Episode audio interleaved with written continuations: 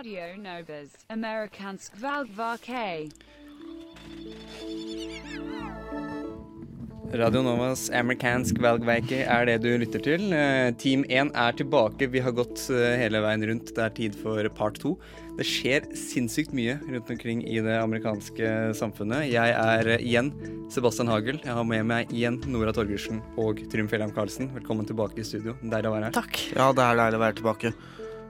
Og det har vært hektisk eh, inne på redigeringsrommet, fordi der har det skjedd masse ting. Det har vært mye å følge med på. Nå nærmer vi oss uh, sjølve kremkaka av uh, en del av natta. Georgia, Arizona, Colorado, Kansas, Louisiana, Michigan, Minnesota, Nebraska, New Mexico, New York, North Dakota, South Dakota, Texas, Wisconsin og Wyoming stenger nå klokka tre. Og da, når jeg sier stenger, så mener jeg da at at polsa deres stenger, og at det ikke vil være mulig å i hvert fall stelle seg i kø for å stemme videre i disse statene, som kan gjøre at vi får noen resultater om ikke så altfor lenge, dere to. Ja, og særlig Michigan og Texas er jo uh, viktige, viktige stater å følge med på. Og Texas, herregud av dere. Det, ja, der skjer det mye. Oi, oi, oi. Det blir spennende. vi skal komme tilbake til Texas, Michigan, Georgia og alt vi skal snakke om. Men jeg tenker eh, før vi gjør det, så skal vi høre med vår reporter eh, nede, Benjamin Nordtømme, om ikke så altfor lenge. Ja. Men aller først så tror jeg vi skal nyte litt god eh, Radio Nova-musikk. Eh, fordi dit må vi, og så skal vi samle tankene våre. Da går vi til Leoparden med boliglån. Så kommer vi tilbake om ikke så altfor lenge. Den varer i fire minutter omtrent. Leoparden med boliglån i Radio valgvake. Og vi har eh, Benjamin Nordtømme med oss. Hører du meg, Benjamin? Det stemmer. Hei, hei. Jeg hører dere. Åssen er stemninga nede på Chateau Neuf og valgvaken eh, der for øyeblikket? Stemningen her er uh, helt Texas. Det vil si det er en litt sånn uavgjort stemning. Vi følger med sånn som resten av dere andre. Her er det fortsatt vanskelig å avgjøre hva som har eh, vært utfallet av denne valgrunden. Men vi skal høre fra Jørgen og Ida, som sitter med meg her. Hvordan tolker dere de nye utviklingene på skjermen her av CNN? Hva, hva er det dere ser eh, her nå? Uh, mange tall uh, og bra kart, uh, men ikke så mye mening. Jeg syns CNN sin dekning av det her den er komplisert. Den ser bra ut for Biden.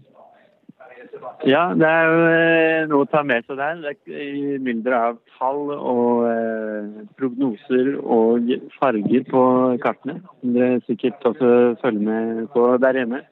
Så kan det være vanskelig å danne seg et bilde av eh, hva det er som egentlig foregår. Hva, Ida, hva er det du tolker eh, er det for tidlig å avgjøre Hva tenker du? Er det sannsynlig at Joe Biden vinner valget? Nei, altså, man er jo, man er jo håpefull. Men uh, jeg, ja. Nei, jeg sitter jo her og følger med på Sinens dekning og tenker at inntil vi får avgjort swing statene, så er det jo vært fint med litt mer analyse. Det er mye frem og tilbake. Fra hva heter det godeste han som dekker? Benjamin. Mulig det er Wolf Blitzer som eh, kommer fram og tilbake her. Jeg er litt usikker om eh, dere også. Det er jo da lyttere der hjemme som kanskje ikke har CNN eh, foran seg.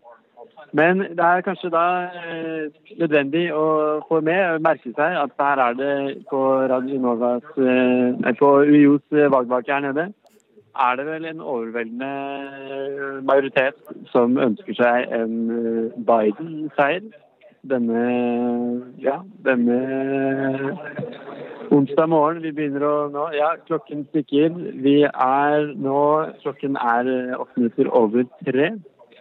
Og vi får nå gradvis mer resultater. Vi ser at uh, disse typiske tungvektstatene altså på østkysten har nå landet inn uh, og er ganske uh, decisively, som man sier, ganske i Bidens favør. Og det er jo fullstendig forventet. Men det gjenstår nå å se. Eh, North Carolina, Ohio og eh, ja, disse stemmene i Texas blir nå veldig spennende å følge med på. Og det skal vi følge med på her fra studio. Tusen takk til deg, Benjamin Nortemø, nede på Chateau Neuf der, altså. Georgia er også eh, veldig spennende. Den eh, ligger an til å gå til Trump Mm. med 31 opptelling. Ja, og Vi har snakka om Georgia på bakrommet her, Trym. Hva, hva, hva kan vi si om Georgia for øyeblikket?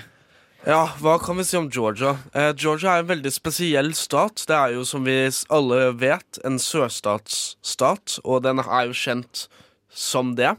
Og hva det vil innebære å være en sørstatsstat, er ofte at du er eh, republikansk, i hvert fall i de sein, seinere år. Dette har ikke alltid vært det, men det er en lang historie om hvordan stater skifta. Men i hvert fall i de seinere åra har det vært en republikansk stat.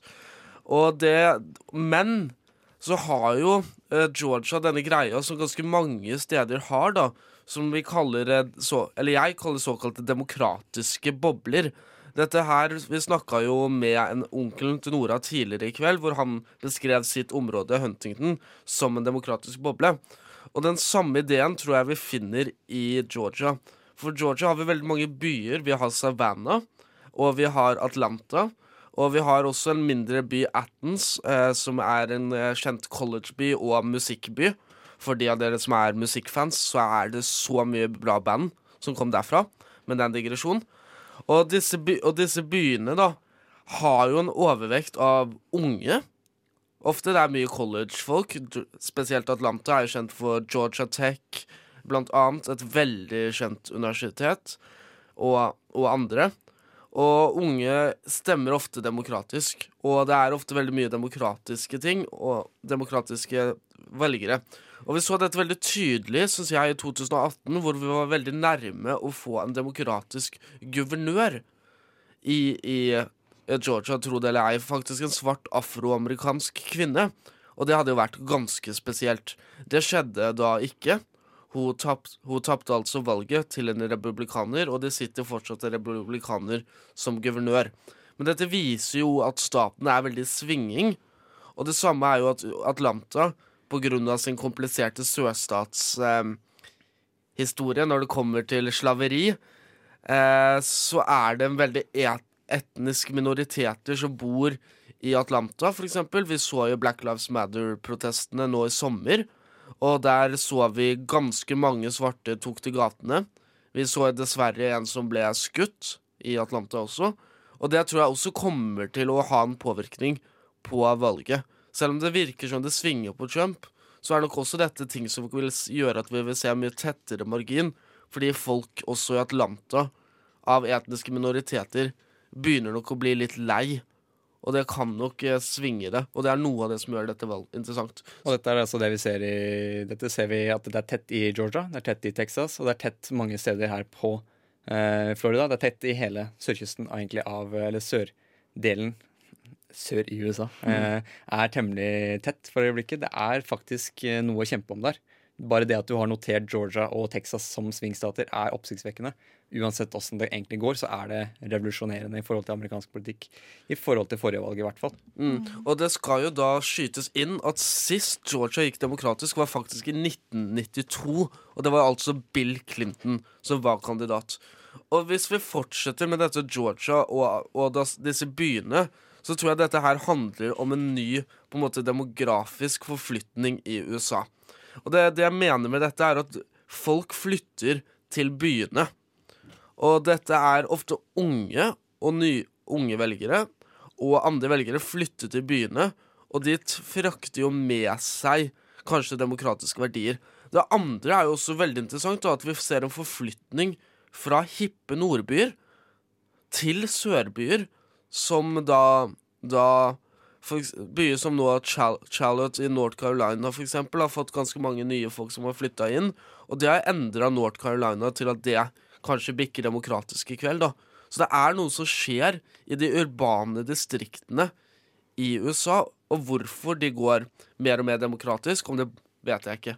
Ja, fordi North Carolina, som du nevner, er jo en, naturligvis et uh, tradisjonelt republikansk uh, stronghold, som de sier på engelsk. Men uh, for øyeblikket så er nå, nå må jeg nevne at det er kun Nei. 78 ja. Jeg opp. leser feil her, det er 78% og der leder for øyeblikket Joe Biden. Så det Ifølge Reuters.com. Ja, Reuters, så er- eh, det Reuters, som man sier. Men eh, jeg stoler på Reuters for så, for så vidt. Men eh, det er jo oppsiktsvekkende det at det er så tett der. Og jeg tror eh, absolutt at hypotesen din eh, kan ha noe å gjøre med det, Trym. Men, men det er et spørsmål om hva som skjer, og hvor, og hva spesielt dette med disse unge og det demokratiske valget.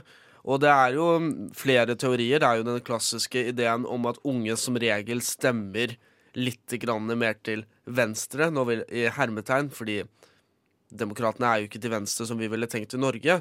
Men, hvis, men så seinere, for å gå litt mer konservativt Dette har vi jo sett i Norge, hvor flere AUF-barn senere vokser opp til å stemme Høyre pga. politikken. Så det kan jo være et slags litt sånn ungdomsopprør i det. Eller så ser vi faktisk en gryende ungdomsbevegelse. Og her må vi jo skyte inn kanskje det mest interessante som skjer i Det demokratiske partiet. Fordi at nå skjer det jo en revolusjon hvor vi får AOC. Vi får flere på de, lengre ute på den venstre fløyen i Det demokratiske partiet. Får større og større innflytelse. Og disse bryr seg om ting som klima. De vil revolusjonere på en måte skatt, måten vi tenker skatt på i USA. Og i tillegg denne her defund the police. Og Biden har jo Biden blir jo mest sannsynlig tvunget til å måtte samarbeide med disse hvis han nå vinner i kveld, da. Så vil vi se en veldig stor endring i demokratene. Og det vil jo trekke Og det trekker kanskje Det demokratiske partiet i en venstreretning. Samtidig som republikanerne har gått mye mer til høyre, som vi så med Trump. Og dette, ja. Og, men for øvrig så er jo Joe Biden en som appellerer til begge sider, eller som, som ser til begge sider av eh, the aisle, som de sier i Amerika. At det han ser til også til republikanerne. Så hvorvidt det blir eh, et kompromiss mellom de to ekstreme i hermetegn, eh, får vi se om, om Joe Biden vinner. Men nå tror jeg det er på tide at vi kjører en liten låt. Vi skal høre Let's check in on Georgia um, because although they've got a burst water pipe there in Georgia in the Atlanta area, they are still counting votes. 31% of it counted so far. Healthy lead uh, now for Donald Trump there. But remember this, and it is quite a significant thing to remember that 78% of the vote was absentee ballot, and look, it skews heavily towards Joe Biden. But this is one of those uh, examples that Caddy was telling you about where you will see one candidate jump into the lead depending on how and when they process that early ballot. It will take Georgia a couple of days to put all those mail in ballots through the machines, and so you might see this start to narrow very quickly, I would think, uh, over the course of the next few hours. Let's check in on.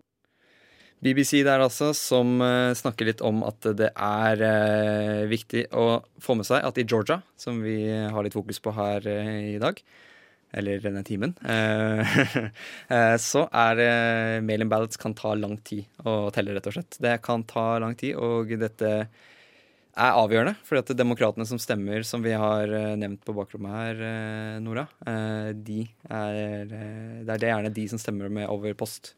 Ja, og det er gjerne de Og det er de stemmene som blir eh, talt opp eh, sist, sammen med forhåndsstemmer. Eh, og hvis man skal spekulere litt, så som Trym sa i stad at det kan tenkes at flere demokrater er opptatt av smittevern og har derfor brukt forhåndsstemming og poststemming, og derfor kan kan resultatene nå se litt mm, skjeve ut av man får ja, kan få flere republikanske stemmer enn eh, enn demokratiske stemmer inn. Demokrat, ja. Yes. Og så er det også veldig viktig også å skyte inn at republikanere har en tradisjon for å stemme på valgdagen, mens demokrater ofte kan forhåndsstemme. Eh, grunnen til dette er, vet vi ikke helt, men det, er vel, men det er en tradisjon at republikanere er veldig sånn prinsippfaste på at du skal stemme på valgdagen. Og at dette kanskje spesielt har vært en greie eh, i, i år. Absolutt, og eh, i år så er det jo noe som har preget eh, valget og eh, livet til de fleste for øvrig. Det er dette koronaviruset, og du Nora satte deg ned og så litt på hvordan korona og valget egentlig henger sammen. Vi kjører litt på det, skal vi ikke? Kan korona påvirke valget? COVID, COVID, COVID, COVID, COVID, COVID. A plane goes down. 500 people dead. They don't talk about it. Det er et faktum nå at korona har eh, preget 2020 eh, i aller høyeste grad. Det har vært store diskusjoner om hvordan man skal håndtere dette dødelige viruset som oppsto på et matmarked i Kina for snart et år siden. For det har faktisk holdt på så lenge. Det har vært store diskusjoner i USA om hvordan man skal håndtere viruset, og kanskje ikke overraskende i og med at det har vært eh, valginnspurtens år, så har koronahåndtering og smittevern blitt eh, politiske spørsmål. Mange medier mener at korona kan påvirke valget i aller høyeste grad. Spørsmålet er bare hvordan. Men la oss først få på plass faktaene om eh, USA og korona. Har de vært en god match? Det er kanskje ikke så mange som vil si at korona er en god match med noen, men med USA så har den heller ikke vært en god match. Ifølge worldofmeters.info er det per nå, altså 3. november, registrert 9,5 millioner koronatilfeller og 237 000 koronadødsfall i USA. Espen Nakstad sier til podkasten Trump mot verden at i den tidlige fasen av pandemien så var USA et av landene som var strengest i klassen. De hadde karanteneplikt og innreiseforbud fra land med mye smitte. Men så, fra mars og utover, så slakket de litt opp. Eller Trump slakket litt opp. Han var ivrig på å få landet til å gå igjen, og ikke så keen på lockdown. Men Trumps håndtering av korona skal vi nå se litt på. Hvordan har det gått? På Det hvite hus sin hjemmeside er det en liste over hvor godt Trump har håndtert korona, der det bl.a. står at han eh, took early action to cut off travel from China, built the world's leading testing system from nothing, confronted China as origin of the virus, while Democrats and media cowered. Men det er en del som eh, likevel påstår at han ikke har gjort det bra nok i eh, koronahåndteringen. Ifølge New York Times så har Trump gjennomgående prøvd å snakke ned alvorligheten av viruset, og sier at det var eh, noe han eh, sa rett før han fikk eh, påvist koronasmitte. Selv. Og da det skjedde, så tenkte vel kanskje de fleste bare at ja, ikke sant? Det, det Sånn er det. Then he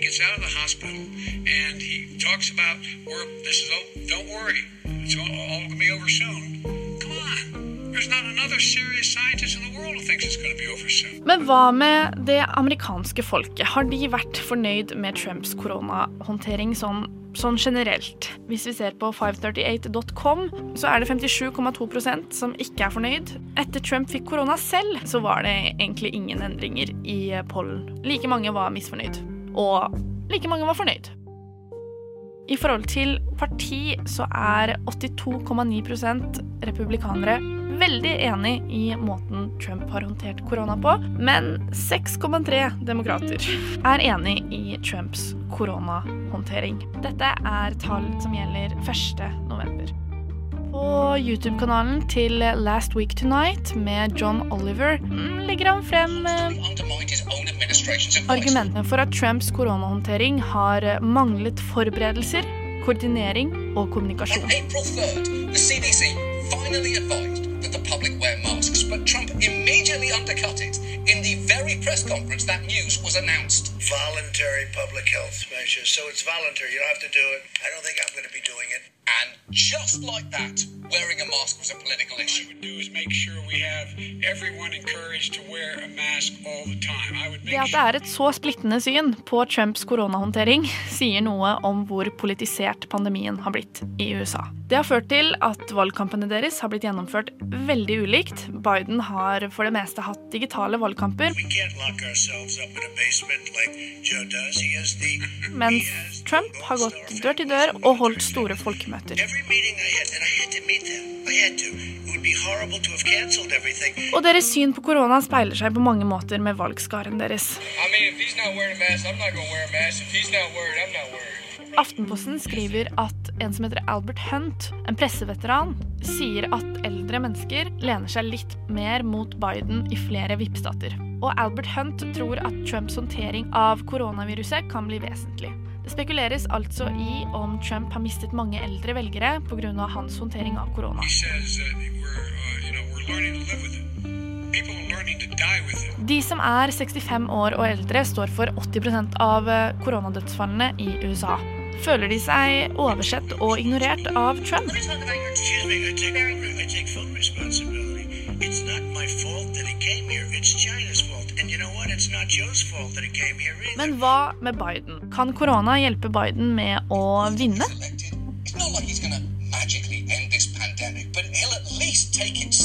Og han fremstår som han tar koronasituasjonen seriøst.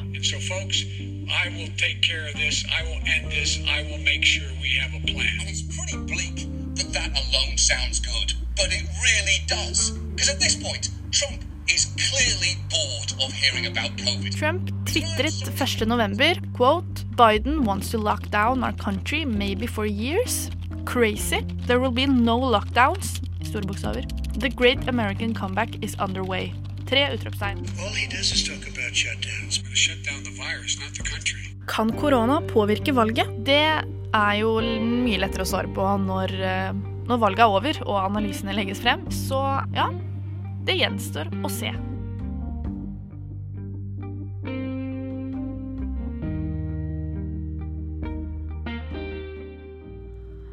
Og lyd mer lyd i reportasjen er hentet fra debatten som ble holdt 23. oktober. YouTube-traileren til den nye filmen Totally Under Control. Nå, dere, skjer det mye rart der. Eh, Nora, Ja, tall fra. Reuters. Sør, eh, South Carolina Ja. ble erklært rød. Og Eh. eh, da ligger vi an at Biden har 89 og Trump 72. Er vi enige om det? Ja, det er vi enige om. NRK litt mer eh, skråsikre her. Eh, 122 mot 92, eh, henholdsvis er, Biden og Trump. De er litt raskere på geværet. Jeg lurer på hvilket tall de har. Eh, der, de melder nå 3.32 at eh, Biden vant hovedstaden, altså Washington DC. Der eh, Hillary Clinton i 2016 fikk over 90% av stemmene. Fantastisk eh, statistikk der fra nrk.no. Um, ellers, Ja. dere. Colorado eh, melder de om at eh, Biden skal vinne handy, selv om det ikke er talt opp her. Det er liksom en sånn trend der at de statene som er sikre, de bare, De bare knaller dem inn. dem eh, Knaller dem inn. Regner med at det ikke skjer noe rart der. Da får vi se, da, hva, hva Det er morsomt dette at du kan på et vis forutse et valg på et vis, og så på et annet vis så er det så uforutsigbart. Ja, fordi eh, på, på de sendingene vi driver og ser mens vi ikke har sending nå, så, så aner jeg ikke hvor mange ganger de har sagt Husk at dette bare er eh, Vi kan ikke vite noe sikkert, dere må bare vente til resultatene er klare. Og det er jo litt sånn sjokkskade fra 2016 igjen, da. ja, Men, men, jeg tror, men jeg tror på en måte man trenger, trenger litt den der sjokkskaden på et vis. At eh, USA virkelig måtte skjønne at å stole på målinger helt blindt er jo ikke alltid lurt. Eh, Hans Olav Lahlum har jo hatt veldig mange, mye forelesninger den siste tiden om amerikanske presidenter. Og han tok jo opp flere ganger hvor målinger var, var feil. Da at vi må ikke tro at målinger er ufeilbarlige. Og det har vi gjort de siste årene, og jeg tror 2016 ble en vekker. Ja. Og kanskje man trengte det. Men, jeg syn- men, jeg, men over til noen helt andre interessante saker her. Fordi det er jo også et senatvalg. Absolutt. Ja. absolutt. Og der er det jo mange nye senatorer som blir valgt inn. Og en av disse syns jeg vi virkelig burde sette litt søkelys på. Ja. Hun heter altså Sarah McBridge. Og hun er nå den første transkjønnede statssenatoren i USAs historie. Oi. Hun er berømt for hennes engasjement for LHBT-rettigheter. Fra hvilken stat? Eh, hun er Skal vi se, det skal jeg finne ut av nå. Men uansett, da. Er Gratulerer til henne. Delaware. Delaware. Hun vant uh, racet nå for Delaware. Det kom akkurat, akkurat inn, og er nå den første transkjønnede som har blitt valgt åpent i det amerikanske senatet. Og det viser jo at det skjer mye spennende Mye annet spennende, da. Når, selv om vi her har fokuset på Joe og Biden, så skjer, sto, så skjer det endringer på senatet også. Og endringer som jeg mener da er for det bedre. Så jeg tenkte det måtte bare skytes litt inn. For det kan bli litt glemt i dette Joe og Trump-nyhetene. Men er det noe mer vi skal snakke om der? Ja, altså En annen vi ikke må glemme, er jo vår venn eh, Mitch McConnell. Ja, Vår eh, gode venn vår der. gode venn. Eh, ikke ikke- sant? Om han er vår gode venn, skal vi diskutere, men han er iallfall uh, republikanernes gode venn. Og tidligere, eller eh, nåværende per definisjon, da leder av, eh, av eh, Eller Mm.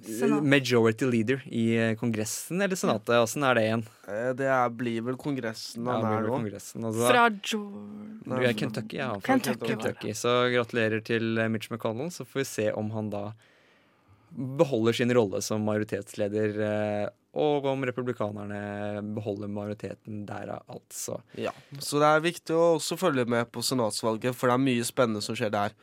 Viktig å ikke bli blind eh, bare pga. det er eh, store ting på ferde. Ja, Nora? Texas. Texas. Må, det er Enda større Texas. ledelse til Donald Nei, ikke enda Jo. Men det har Det er snudd. Ja. Nå leder Trump. Ja, det er ikke lenger altså Joe Bidens drøm om å vinne Texas ser eh, kanskje verre ut. Ja. 74% av stemmene er opptalt der. Altså interessant. Eh, for øvrig, Donald Trump på Twitter, det har vi kanskje ikke, jeg vet ikke om de andre har nevnt det, men vi har ikke nevnt det. Tre timer siden. We are looking really good all over the country. Thank you. Eh, all caps må nevnes. Det er Var det Trumpy Lump som skrev det? Trumpy eller? lump. jeg vet ikke om vi skal omtale ham som det. President Trump skrev det altså på Twitter. Det er det er et sted man burde henge litt på president Trumps Twitter, for der skjer det mye. Der er det mye godsaker, ass.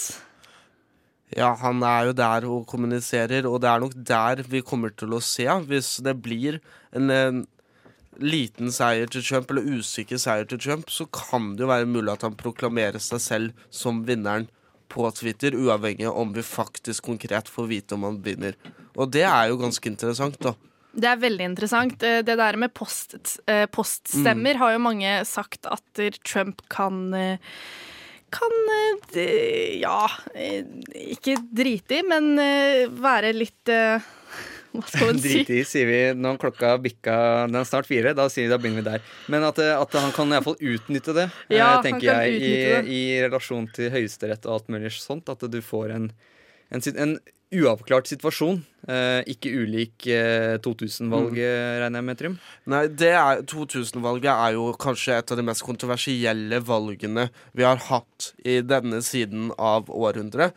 Eh, som vi vet, så var jo det altså Al Gore og Bush som sto om seieren der. Og det var knapt. Og alt kom e egentlig ned på Florida, hvor det ble et kaos av stemmer som ikke ble talt opp. Og så fikk vi også en by i Florida, jeg kommer ikke på hva den heter akkurat nå, som hadde en veldig sånn spesiell stemme, kalt den såkalte butterfly-stemmen, som jo var designa på en veldig, veldig tåpelig måte. Alle burde gå og søke på butterfly-stemmeseddelen, eh, fordi den viser Og se hvor dårlig designa den var, for det var veldig vanskelig da å vite hvem du faktisk stemte på. Og det gjorde at det ble veldig mye utydelig og forkasta stemmer i denne delstaten, og det var med på å bikke, tror veldig mange i Florida. Og så var det veldig, var det veldig jevnt generelt mellom både Al Gore og Bush. Og det andre som da gjør dette valget så utrolig spesielt, og minner oss om hvordan Trump vant valget, er jo dette faktum at Al Gore fikk flest folkestemmer. Men på grunn av tull i Florida Eller jeg mener, og enkelte historikere mener, at på grunn av valgtull i Florida, så gikk valgmennene da til Bush. Det kan hende at valgmennene hadde gått til Bush uansett. Det, det vet vi ikke. Noe som er eh, spennende i den sammenheng òg, er jo at uh, den nye høyesterettsdommeren Amy Colney Barrett, som eh, vi har vel snakket om i forrige time, eh, uh, satt i Bush sitt uh, legal team da i 2000-valget. Og nå sitter hun i Høyesterett og skal kanskje avgjøre nok en, et lignende valg eh, 20 år senere. Det syns jeg er interessant. En liten nugget med informasjon.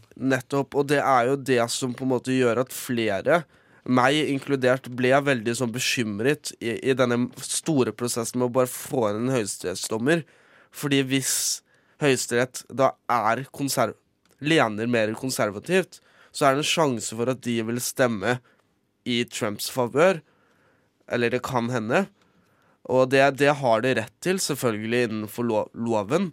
Men det er også veldig interessant da, at eh, det kan hende at det er nok en måte republikanerne kan ha sikret sin egen seier. Mm. Og om det er galt eller ikke, skal vi ikke diskutere her, eller moralen eller legaliteten i dette. Systemet i USA har lagt opp på den måten at de kan gjøre det slik. Og det, det, og, og det Ja, det, det, de, de, får, eh, de får rydde opp i eget, på Ja. eget rom uh, før vi kommer og diskuterer hvorvidt det er uh, eh, nødvendig. Uh, det blir spennende nå å se. Hva, hva tror vi at eh, nå hvis Texas og Florida ryker for eh, Biden, så ligner det jo plutselig på et eh, Eller i hvert fall hvis Te- Texas, Georgia, alle disse statene vi har snakket om som potensielle eh, upset-stater, disse statene som normalt ikke er eh, blå stater, blir rød, så ligner det jo veldig fort på et normalt valg, hvis vi skal kalle det det. De siste, de siste fall etter post Clinton, for det var en slags endring etter Clinton, så vidt jeg har forstått, og hvis jeg husker rett. Men eh, hvis Texas, Georgia og alle disse statene nå blir som de blir, eh, eller blir som de ligger an til akkurat nå, eh, dersom at disse stemmene eh, valgdagsstemmene på Trump eh, tikker inn, eh, så kan det fort bli et normalt valg. Og da blir det spennende å se om det skjer noe Hvordan det ender opp i eh, Wisconsin, og hvordan det ender opp i Pennsylvania, tenker jeg, da. Mm. Det, det er veldig interessant. Vi, det er umulig å spå nå. Men det kommer jo til å bli veldig spennende å se, da. Med, som vi snakker om poststemmer og disse typer tingene, og omstemmer. Fordi vi har sett to kaotiske valg. I, både i 2016, eller det var ikke kaotisk nødvendigvis, men der folkestemmen gikk til Hillary og valgmennene, og vi så det i 2000 med Al Gore og Bush. Og det er veldig interessant, da.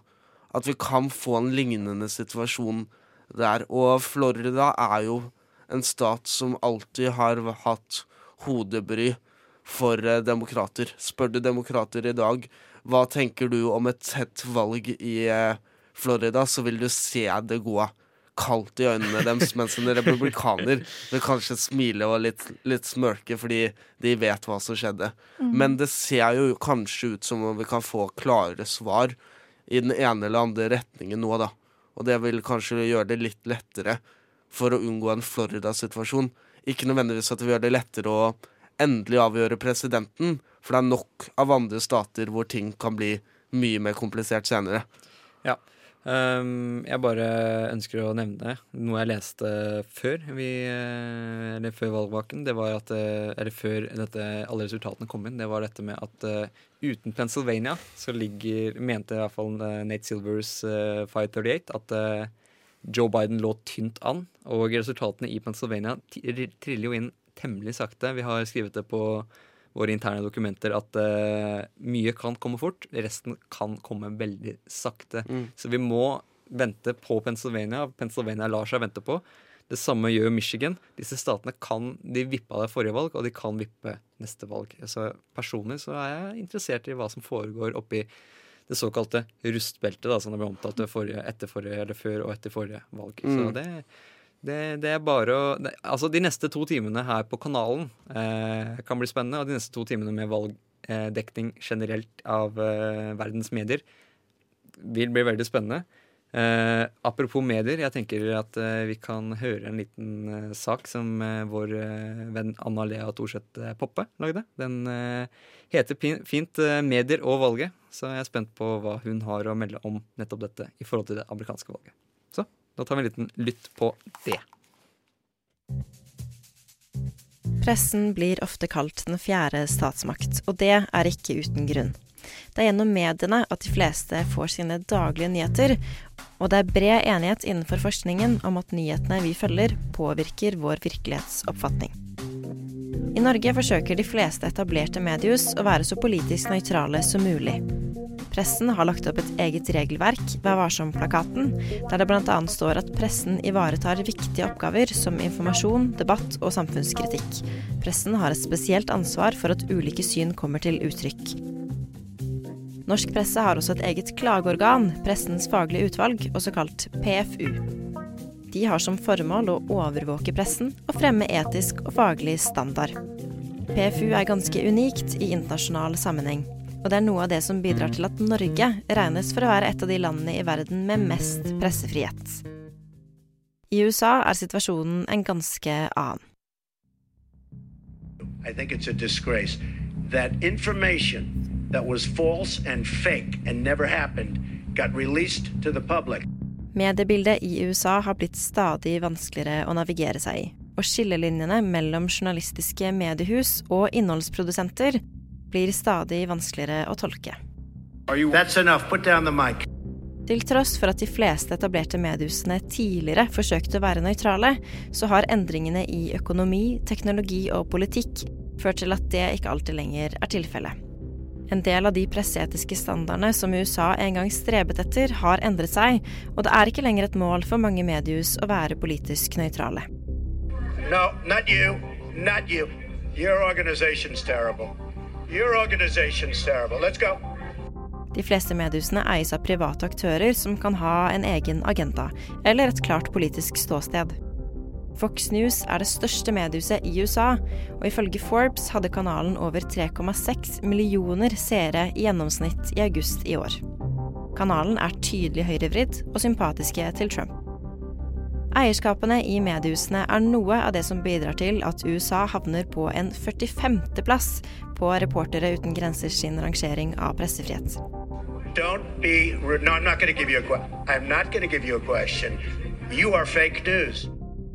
Reportere uten grenser kritiserer også president Trump for å prøve å undertrykke pressefriheten ved bl.a. å anklage journalister for å spre falske nyheter. I watched NBC this morning. They didn't report it exactly correctly, but that's, you know, very, very, that's the fact with NBC. Nothing I can do about that. But I'll tell you what, CNN should be ashamed of itself having you working for them. You are a rude, terrible person. You shouldn't be working for CNN.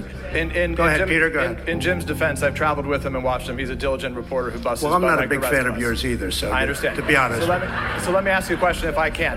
You repeatedly You said... aren't, you aren't the best. Mr. President, you repeatedly, o- over the course Okay, of the... just sit down, please.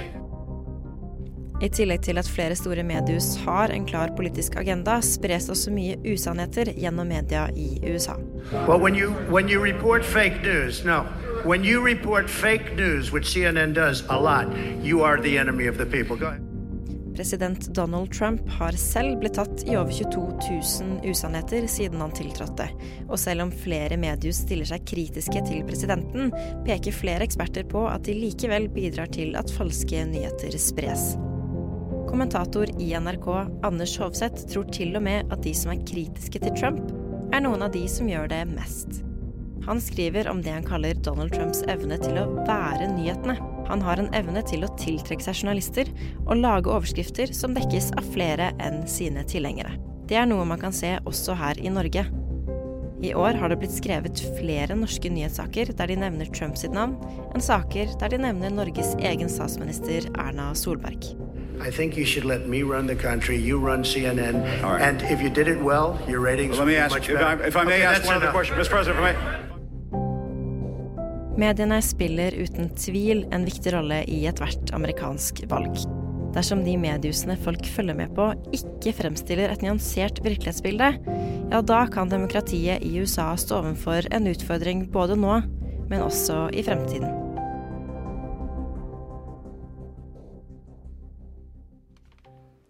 Ja, Anna Lea Thorseth Poppe der med en uh, flott sak om medier og valget. Jeg lurer på hva Donald Trump syns om at vi bruker uh, CNN som kilde her eh, på huset, men det får, uh, det får holde. Vi kan ikke gjøre alle fornøyde.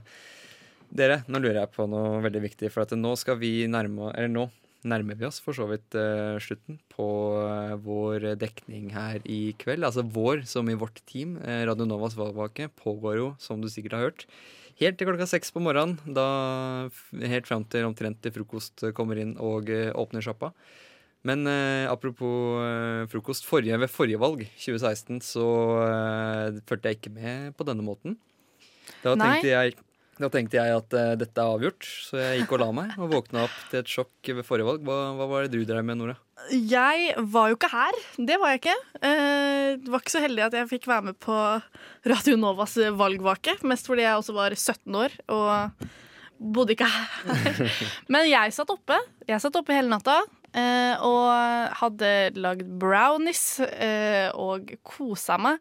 Men ja, husker også det øyeblikket hvor det var sånn shit, han vinner. Fantastisk. Ja. Trym, hva var det Eh, jeg skulle egentlig på AUFs valgvake, men jeg kunne ikke. Så jeg gikk og la meg, husker jeg, og så satte på en alarm til sånn klokka tre-fire. Slik at jeg bare kunne få en sånn kjapp sjekk på hvordan dette går. Og fant ut da jeg våkna klokka fire da, av alarmen, at oi, her begynner ting å gå mot Trump. Så jeg satt oppe fra fire til sånn fem-seks-ish for å finne ut hvordan det gikk i min lille sånn valgvake i senga. Veldig spennende, eller veldig imponerende, må jeg si, å legge seg og allikevel våkne om klokka fire og være til, i stand til å gjøre ting. Jeg vil ikke jeg si at jeg, i- jeg fikk med meg Trump-valget i en sånn eh, døse i halvsøvne, og fant ut dagen etterpå at dette var virkelig nei da. Ja. Nei, men uh, det var nok mange som var sjokkert da. Må vi få se. Nå er det vel ingen som blir sjokkert uansett utfall ved dette valget, for så vidt. Uh, nå veit vi hva som står på spill. Vi vet hva som uh, kandidatene står for. Og vi vet hva det amerikanske folk for så vidt er kapable til. Om vi kan bruke de ordene uten at det høres for hyperbolsk ut, om jeg kan uh, bruke den frasen også. Men uh, det begynner å nærme seg uh, slutten for sendeteam nummer én her i Radio Novas valgvake. Jeg tror vi kan, vi kan for så vidt takke for oss med å si godt valg til de som gjenstår. Og lykke til til resten av Til de som favoritiserer enten Trump eller Biden her i Norge, og i resten av verden, for så vidt. Selv om de, de hører jo ikke på oss, da, men eh, det, det Vi kan jo håpe. Vi kan jo håpe, ja. Veldig hyggelig å få være her med dere to. Jo. Ja, det har vært eh, spennende, og vi kommer jo til å sitte her på bakrommet og følge med, og vi kommer også absolutt til å følge med videre på Radio Novas valgvake, og det syns jeg dere burde også, for valget er ikke over, og det er absolutt viktig å følge med de resterende timene i kveld, og Godt. videre utover uka.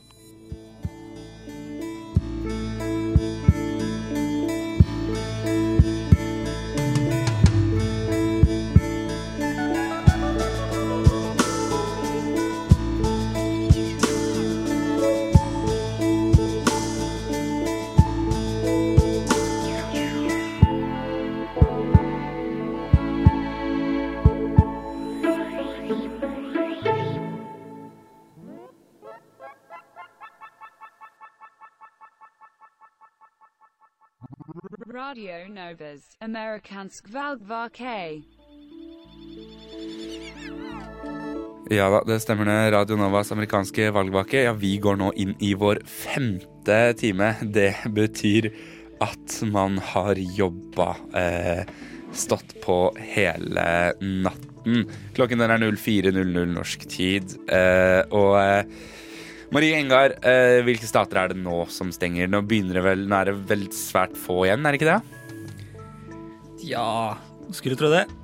Vi har vel eh, Iowa, Montana, Nevada og Utah nå klokka 4.00. Eh, ja, men når, når får vi egentlig svarene på de? Eh? Altså, vi kan vel regne med at det kommer eh, At det kommer eh, ganske, ganske seint utover eh, kvelden. Nå skal vi rett og slett gjøre noe som kanskje er litt eh, kontroversielt. Eller er det det? Vi skal snakke litt grann om eh, statene som eh, allerede ligger an til å være ganske bestemt. Og ehm, Ja, da ser de jo at uh, Florida Det ser ut til å være uh, Trump har vunnet den. Eh, 94 av stemmene er tært opp, og 51,2% har gått til Trump. Så de fleste eh, store nettverkene som BBC og CNN har calla Florida til Trump.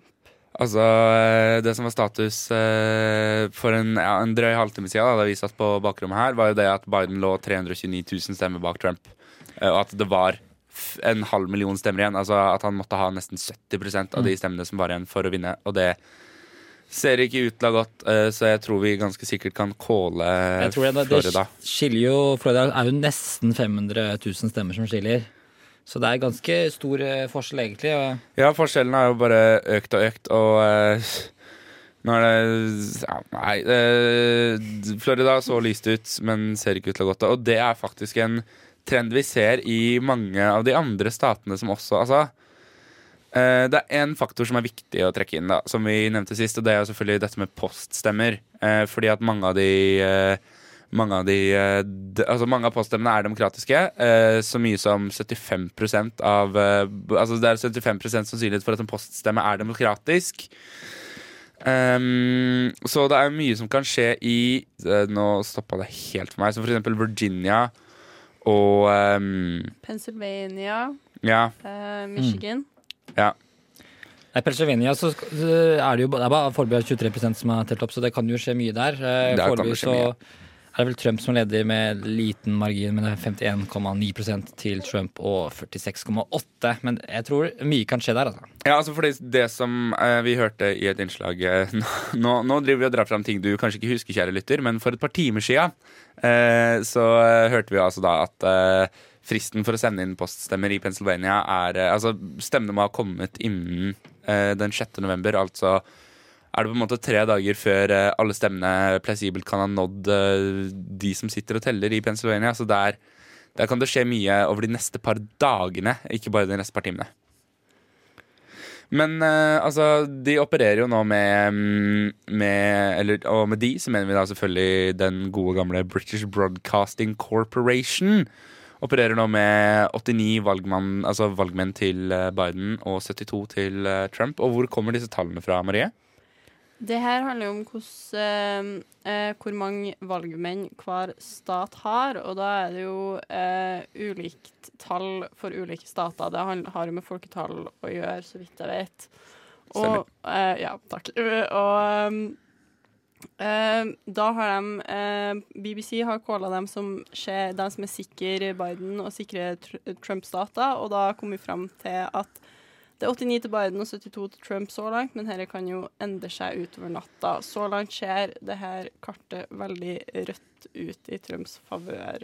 Uh, de som ser ut til å være hardest kåla til uh, demokratene så langt, da. Altså, det er jo blant annet Colorado, New Jersey, New York, Illinois Nei, uh, New York, Massachusetts, Connecticut. Um, og også da DC, og DC er jo Jeg syns i hvert fall det er litt artig å se på de tallene foran meg her, for det er altså 92 uh, til Biden og bare uh, 6 til uh, Trump.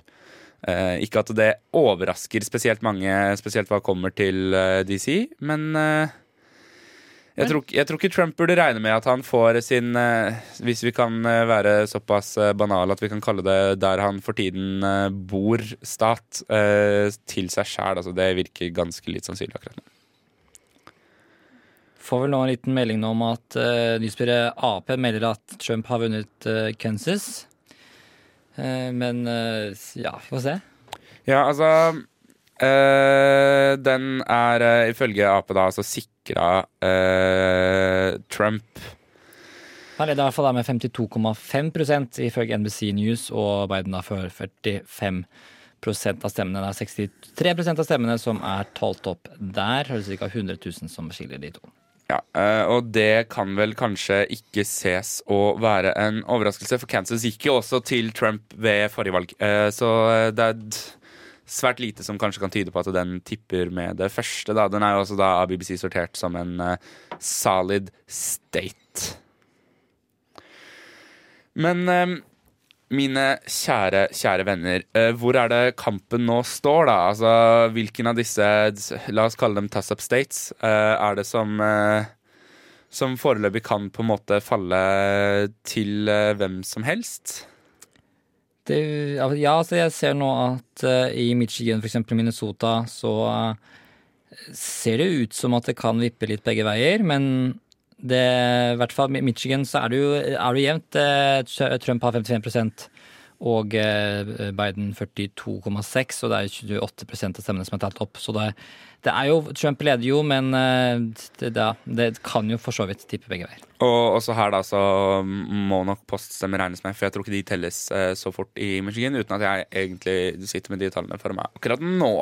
De snakker jo om at eh, det kan bli de samme statene som avgjorde i 2016, som avgjør i, i dag. Eh, Trump eh, vant jo Pennsylvania, Michigan, unnskyld, Michigan og Wisconsin.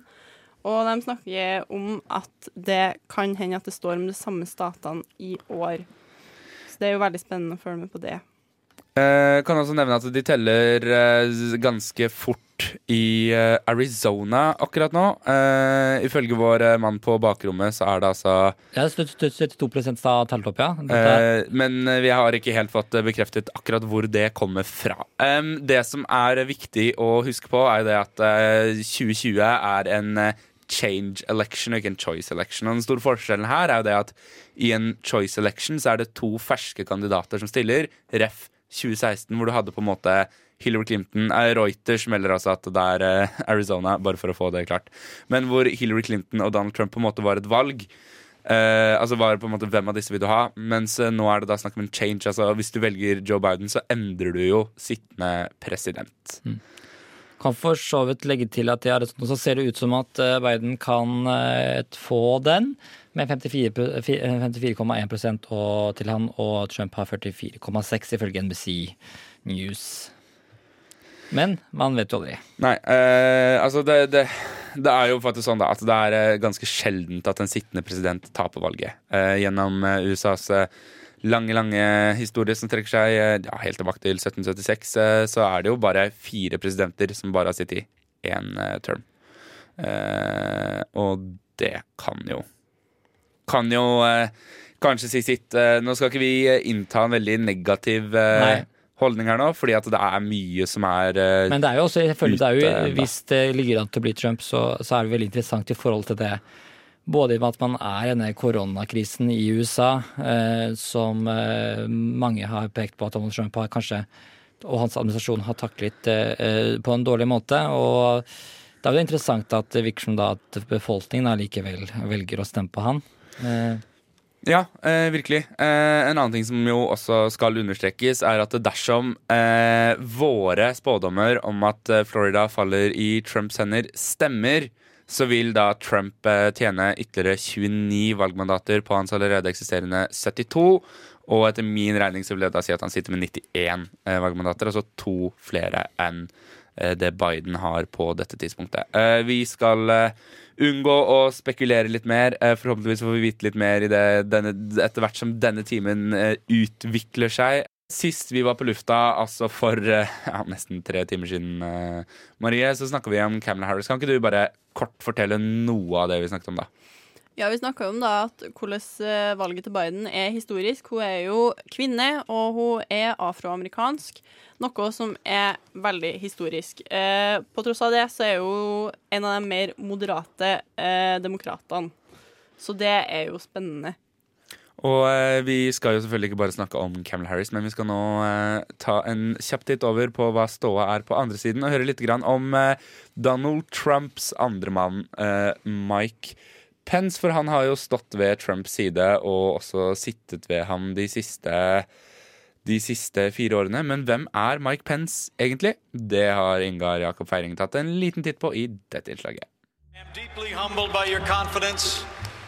and on behalf of my family, here and gone, I accept your nomination to run and serve as Vice President of the United States of America. Stemmen du hørte, er fra replikanernes nominasjonsmøte i 2016 og tilhører visepresident Michael Pence, eller Michael Richards Pence, som er hans fulle navn. Mann som tok over jobben til John Biden ved valget i 2017, og han har dermed vært Trumps høyre hånd siden den gang. Men hvem er han egentlig? I grew up on the front row of the American dream. My grandfather immigrated to this country. I was raised in a small town in southern Indiana Michael Pence er i dag 61 år. Han vokste opp i en irsk-amerikansk katolsk familie i byen Columbus i staten Indiana. Rett ved jordet, som han selv sa i nominasjonsmøtet i 2016. Han gikk på den privateide Hanover College, der han vurderte å bli prest. Men han droppet eh, presteplanene til fordel for jusstudier på offentlig eide Indiana University Purdue University Internapolis. Dermed ble han advokat, men Pence ville inn i politikken. Men etter flere tapte valg om sete i Representantenes hus, begynte han med i radio og TV og startet sitt eget talkshow. Mike Pence.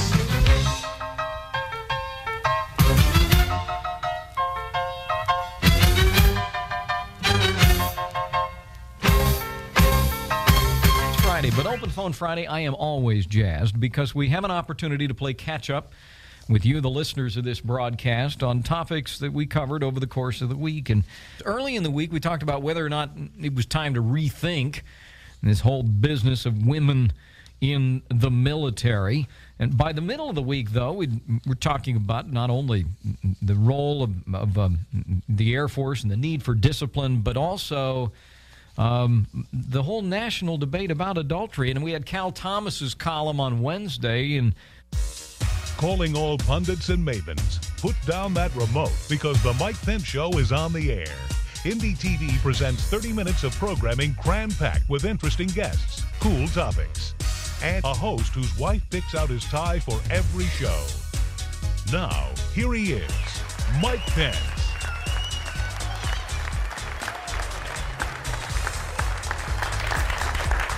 Welcome to the Mike Pence Show. Der hørte du et utdrag fra The Michael Pence Show sendt på kanalen Windy på 90-tallet og Michael Pence Radio Show. I 2000 ble han endelig valgt inn i Representantenes hus, der han representerte Indiana frem til 2013. Han ble også formann for House Republican Conference fra 2009 til 2011. I 2013 ble han valgt som guvernør for Indiana. Men i 2016 trakk han seg fra gjenvalge i Representantenes hus for å bli Donald Trumps visepresidentkandidat.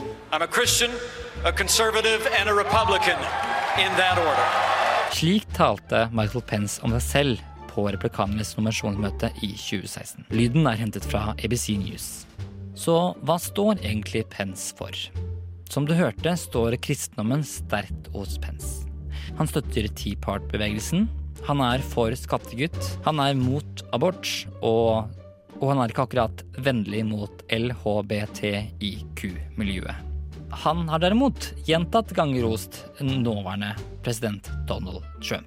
I don't know that I've ever been more proud to be standing next to your desk than I am today.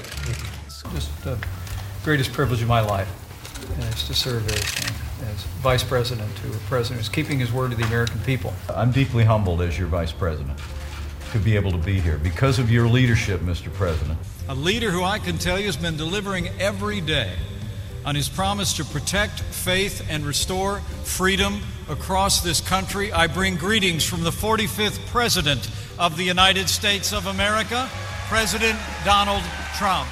President Trump is a man who speaks his mind.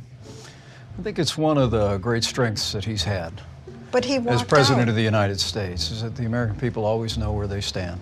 I'll buy and that. he's always ready. And the American people know that uh, in this time, it's, it's really more about how we bring this country all the way back. Så hvorfor gir egentlig Michael Pence denne hensynsløse rosen til Donald Trump? Jo, han har siden high school drømt om å bli president selv. Men nå må han nok stå i skyggen av Donald Trump enda en periode. Om de vinner valget.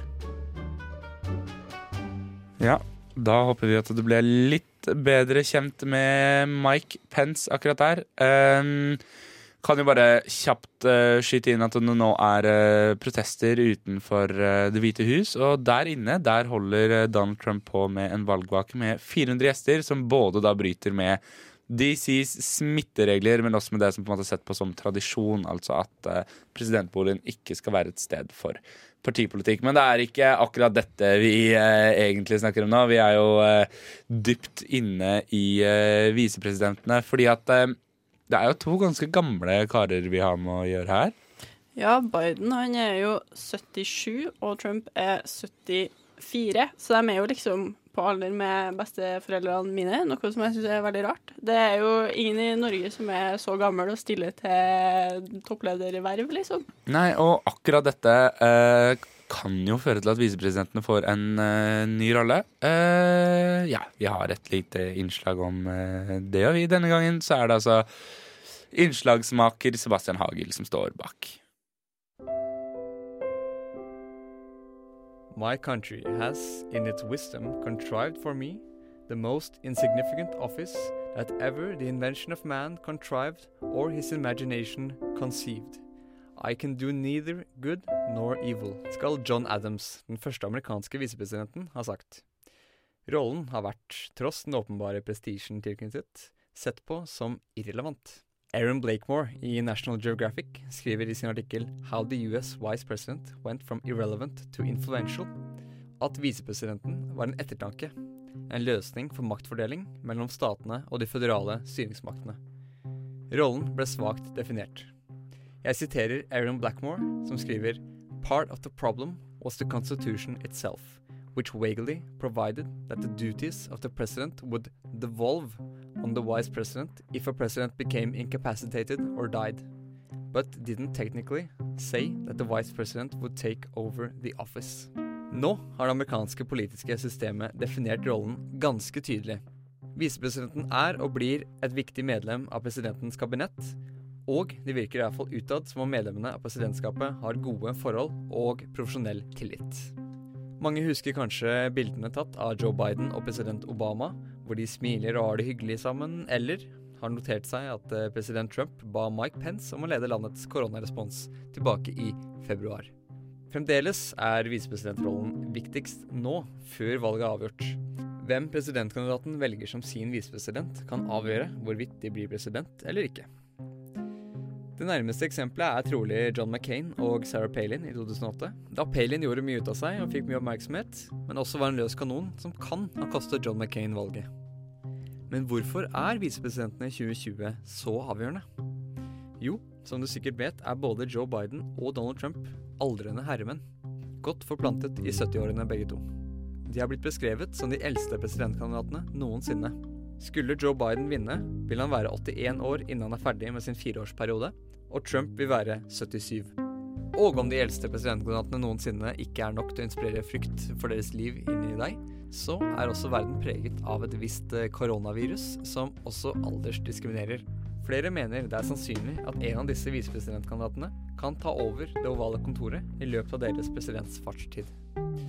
John Hudak ved Brookings skrev om visepresidentdebatten Americans will be watching the VP debate with renewed awareness that one of these two individuals could easily become the president. Not because they ran for the office, but because they succeeded to the office. Dermed er kandidatene i 2020 viktigere enn de har vært tidligere.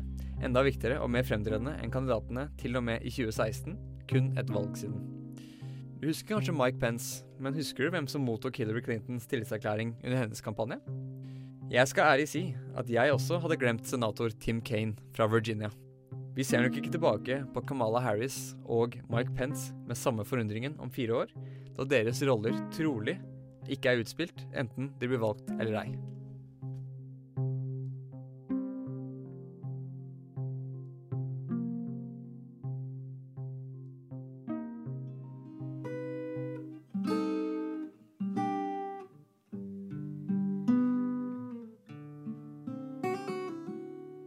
Erik Aas og Nero, og før det så fikk du Kulturelitens barn av bandet Hudkreft her i rushtid på eh, Ikke i rushtid, i Radio Novas valgvake. Eh, gammel vane er vond å vende, sier de ofte. Eh, dere, eh, det var eh, Det, det, det var eh, på mange sett tre stater som avgjorde valget til Trumps fordel i fjor, og det var da Det var Pennsylvania, Wisconsin og Michigan som eh, var stater som Clinton så ut til å vinne, men som Trump tok. Og Vegard meldte at det viste seg at de her statene kan bli dem som vipper valget i år òg. Og det som eh, Det her er totalt 46 eh, valgmenn i de her tre statene. Eh, og akkurat nå så ser det ut til at Trump leder i alle sammen. Ja, altså det er jo da snakk om eh, at eh, det er snakk om en ledelse på 200 000 eh, stemmer i eh, Pennsylvania, og det Ja, det tilsvarer jo da eh, Det tilsvarer jo da eh, røft regna en eh, fordeling på 53 og 45% altså. I Wisconsin så er det 51% og 47 Det er også i Trumps margin. eh, og i Michigan så er det 55 mot 43 der også i Trumps margin. Og det er jo viktig å på en måte understreke at det her bare er snakk om at eh, noen og 30% av eh, stemmene er talt opp. eh, igjen eh, ikke eh, poststemmer, da. Eh, så det kan Eh, der er det mulig altså, å si at de kan eh, med stor sannsynlighet tippe over i demokratenes favør, men det er vanskelig å si. Ledelsen er jo ja, relativt snau enda, får vi si. Det er jo bare 30, altså det er bare en tredjedel av stemmene som er talt opp så langt. Og så kan man jo legge til at eh, Biden har økt med sin eh, valgmenn eh, fra til opp til 98, og det, han har da fått eh, New Mexico og Colorado. Det ser ut til at han tar dem. Og så eh, har òg Trump økt til ehm, eh, 89, fordi han har tatt eh, Nord- og Sør-Dakota. Og han har også fått Utah også, eh, med 54 eh, i hans Trumps favør, ser, det ut- til akkurat nå. Ja, eh, kan jo også bare kjapt skyte inn at eh, for eh, en drøy halvtime siden eh, så eh, meldte kunne det altså NRK mellom at det antatte valgresultatet ville bli 271 til Trump og 217 til Biden. Altså en, en seier til Trump der. Der var det selvfølgelig noen stater som enda ikke var helt eh, som ikke enda var helt klare. Akkurat nå så melder NRK at det er snakk om 131 eh, til Biden og 108 til Trump. Altså en ganske tight der, men eh, de har også gjort en utregning på stater som er eh, La oss kalle dem sikre og ikke dvele noe mer over det. Og da vil altså Biden ha 217 og Trump 124. Altså det er fortsatt mange stater som gjenstår, men det er jo det er, det er mange prosenter, det er mange stemmer som fortsatt skal telles. Eh, så dette kan vippe begge veier, men eh, NRK spår da altså en eh, seier til eh, sittende president Donald J. Trump. Og nå får vi også melding om at eh, det meldes av nyhetsbyrået Ap at eh, Trump også får Missouri. Ja. Eh,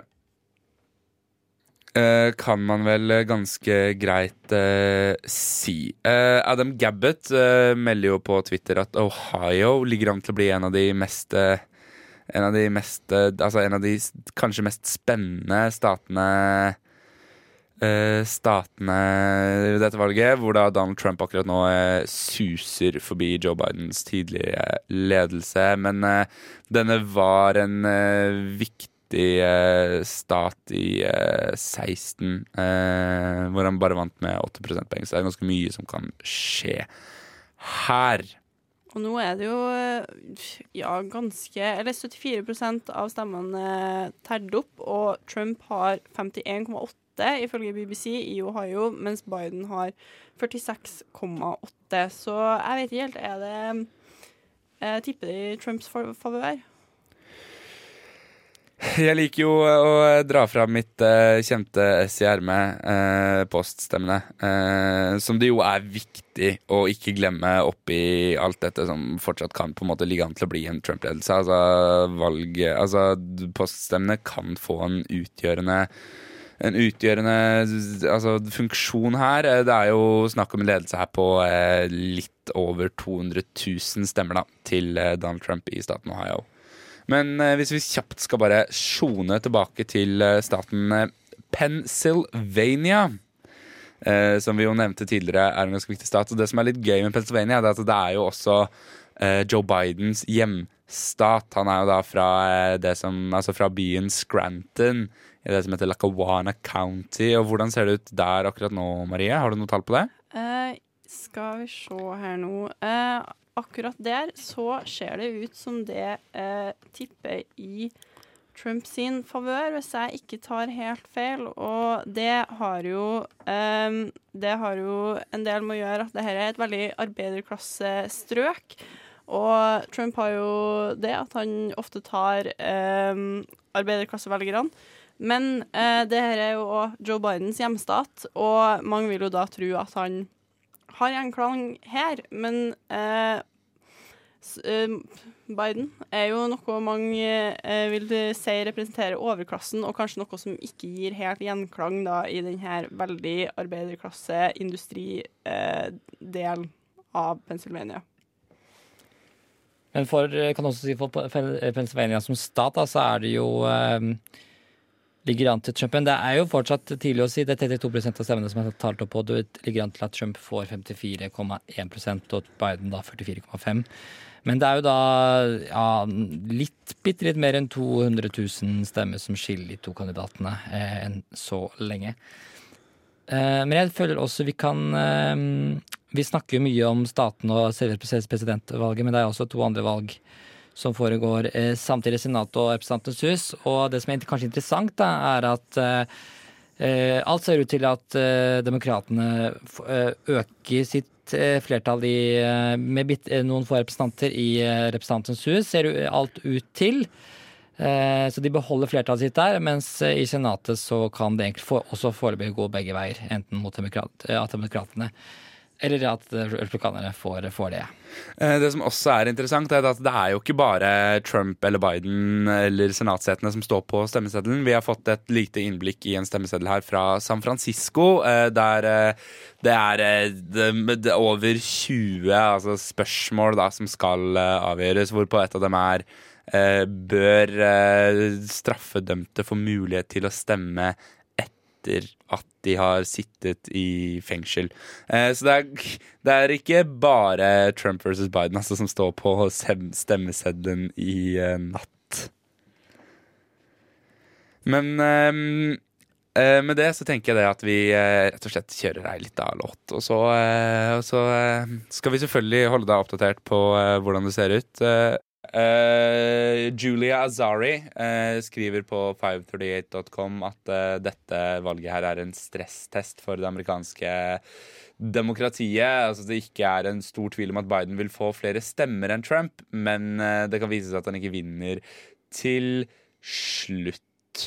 Altså rett og slett at The Electoral College er, i, som hun sier, in front and center tonight. Og det er, eh, det er valgmenn vi skal gå videre med. Eh, NBC har, calla, har gitt oss en ny oppdatering på antall valgmenn eh, de to karene har. Det har de. Ifølge NBC News så er det da 118 til Biden og 102 til Trump. Det er mest fordi eh, at eh, Biden har, ser ut til å vinne Illinois med 56,3 til eh, han, og Trump da får 40,3 og det er 56% av stemmene som er tatt opp i Illinois. Ja, Øh, men det jeg tenker vi kan gjøre da, ettersom at det tar litt tid før det begynner å renne inn noe nytt her, er å reise litt tilbake i tid. Og vi skal reise tilbake til det vakre året 2019.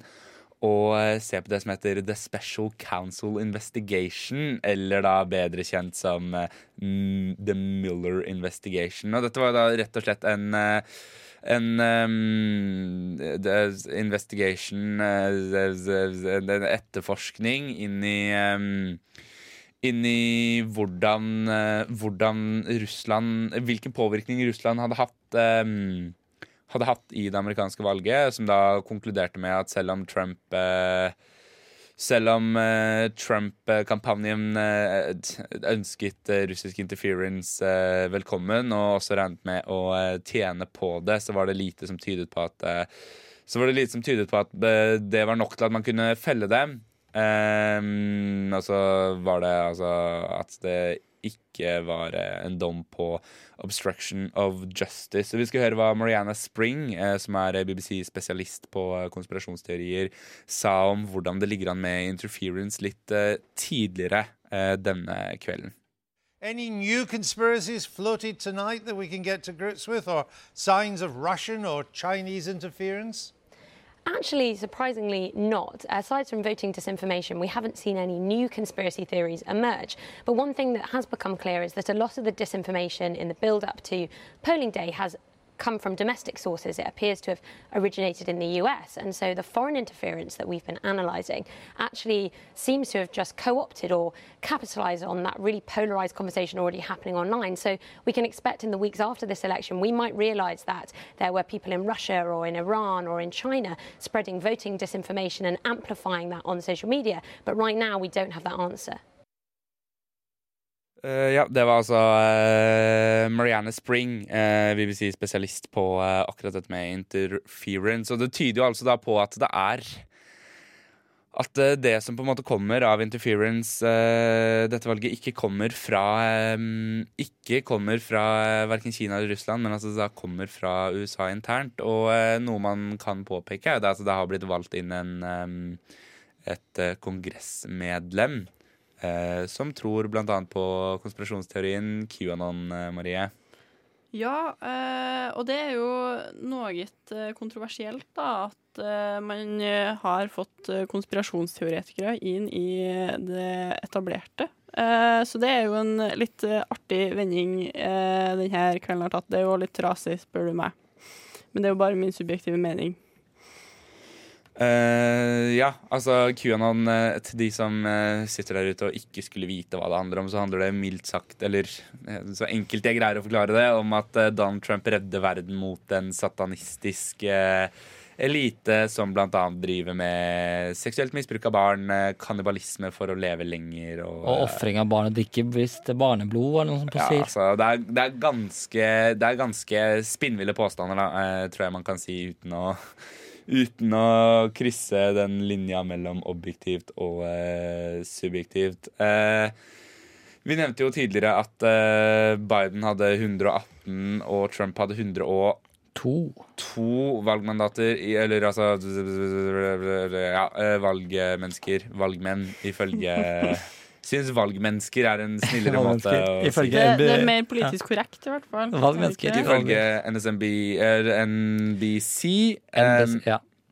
kan jeg da bare kjapt eh, også understreke at eh, BBC eh, fortsatt eh, Fortsatt jobber med, eh, som vi tidligere har nevnt, 118 og, 190, eh, 118 og 99, hvor da det er Kansas som utgjør forskjellen. Nå har BBC økt til 105. Og BBC økt til 105, ja. Så nå er de faktisk enige, BBC og NBC, ser det ut til, på eh, valgmandatene. Er det Kansas da må komme Det ser BBC, ut da? som det er Det er vel Er det Nebraska som har eh, sneket seg inn her? Ja. Det ser, ja, det ser sånn ut. Det er Nebraska som har eh, eh, gått til eh, Trump. Eh, alt etter å dømme, det er 39, 39 som har talt opp, og da 51 til Trump og 46,8 til Biden, ser det ut til. Det begynner å bli ganske mørkerødt, der eh, kartet, altså. Men eh, det, er jo, eh, det er jo viktig å huske på at det ligger eh, 55 eh, valgmenn eh, som ikke har blitt regna med ennå. Det er Californias valgmenn, og eh, de har jo tradisjonelt sett da gått til eh, til demokratenes side, og jeg tror det ville overrasket uh, kraftig om ikke disse skulle gjøre det. Så det er litt tidlig å miste trua. Uh, jeg vet ikke om jeg skal være Jeg vet ikke om jeg er den rette til å snakke om akkurat hvor tidlig det er å uh, miste trua, Ja, for, ja, fordi eh, eh, stemmelokalet, stemmelokalet i California stenger ikke før eh, klokka fem. Så det blir jo spennende å se når vi da nærmer oss hvordan det går der. Som du sier, det kan eh, gå alle veier, dette. Kanskje. Altså, eh, som eh, både BBC og CNN og veldig veldig mange andre nyhetssteder omtaler det som, så er det snakk om tett kamp i viktige stater, og det kan bikke ganske ganske ut av det blå. Det er ifølge NRK Eller i det røde, da. Det blir det. ja, eh, ut av det lilla. La oss gå for en sånn mellomfarge der. Eh, Det kan jo, altså Ifølge NRK så er det 54% av valgdistriktene som er telt opp. Eh, Så vi er vel omtrentlig halvveis der. Det, ligger- det tror jeg altså, i, ja, NBC opererer med 51% av stemmen til totaltale stemmene. Og eh, totalt sett, da, du snakker alle stemmene totalt sett, så eh, er, er, er det jo faktisk Trump da, som har fått flest stemmer totalt sett, uten at det har så veldig mye å si, egentlig, siden det er tross alt valgmennene som er viktige, og ikke antall stemmer. Eh, det som jo eh, det, det, dette valget her har til felles med Clinton, altså med valget i 2016, er jo det at eh, det var demokratene som lå an til å lede, mens det nå eh, ser eh, usikkert ut. Eh, 538.com har via sine via sine simuleringer av valget endt endte opp med et resultat der Biden vinner 89 av 100 ganger. Altså er det Altså mener de at dette i teorien kunne bikke. Eh, hva de mener akkurat nå, ja, det er litt vanskelig å si, men eh, Det ser ut som nå at eh, Eller skal vi se her Reuters eh, melder at eh, Trump er ledelsen i Maine med 20% er da opptalt i Ser veldig jevnt ut, da. BBC I- melder at begge er på 48. Trump har eh, 48,4 og Biden har 48,2. Så det ser jo fortsatt eh, veldig jevnt ut, da. Ja, det gjør det. Det, jo, det ser ut som det er bare faktisk er eh, Ja, det er vel nesten 300 stemmer forskjell, så det må vi nesten kanskje si at det ikke er så veldig klart der. Men det var så Rødt som vel meldte det. Det som, også er, eh, det som også er en trend vi ser komme ut av dette valget her, det er jo rett og slett det at eh, skylden for dette systemet, ja, det lesses nok en gang over på The Electoral College, Men, eller ja. valgmannsordningen. Men jeg kan jo si nå at nå ser det ut som at eh, Trump har fått en ny stat eh, her, fordi nå er han oppe i 114 mandater og fortsatt Biden 118. Eh, Og Så det ser Det er vel West nært. Virginia som nå på inn, ser det ut til.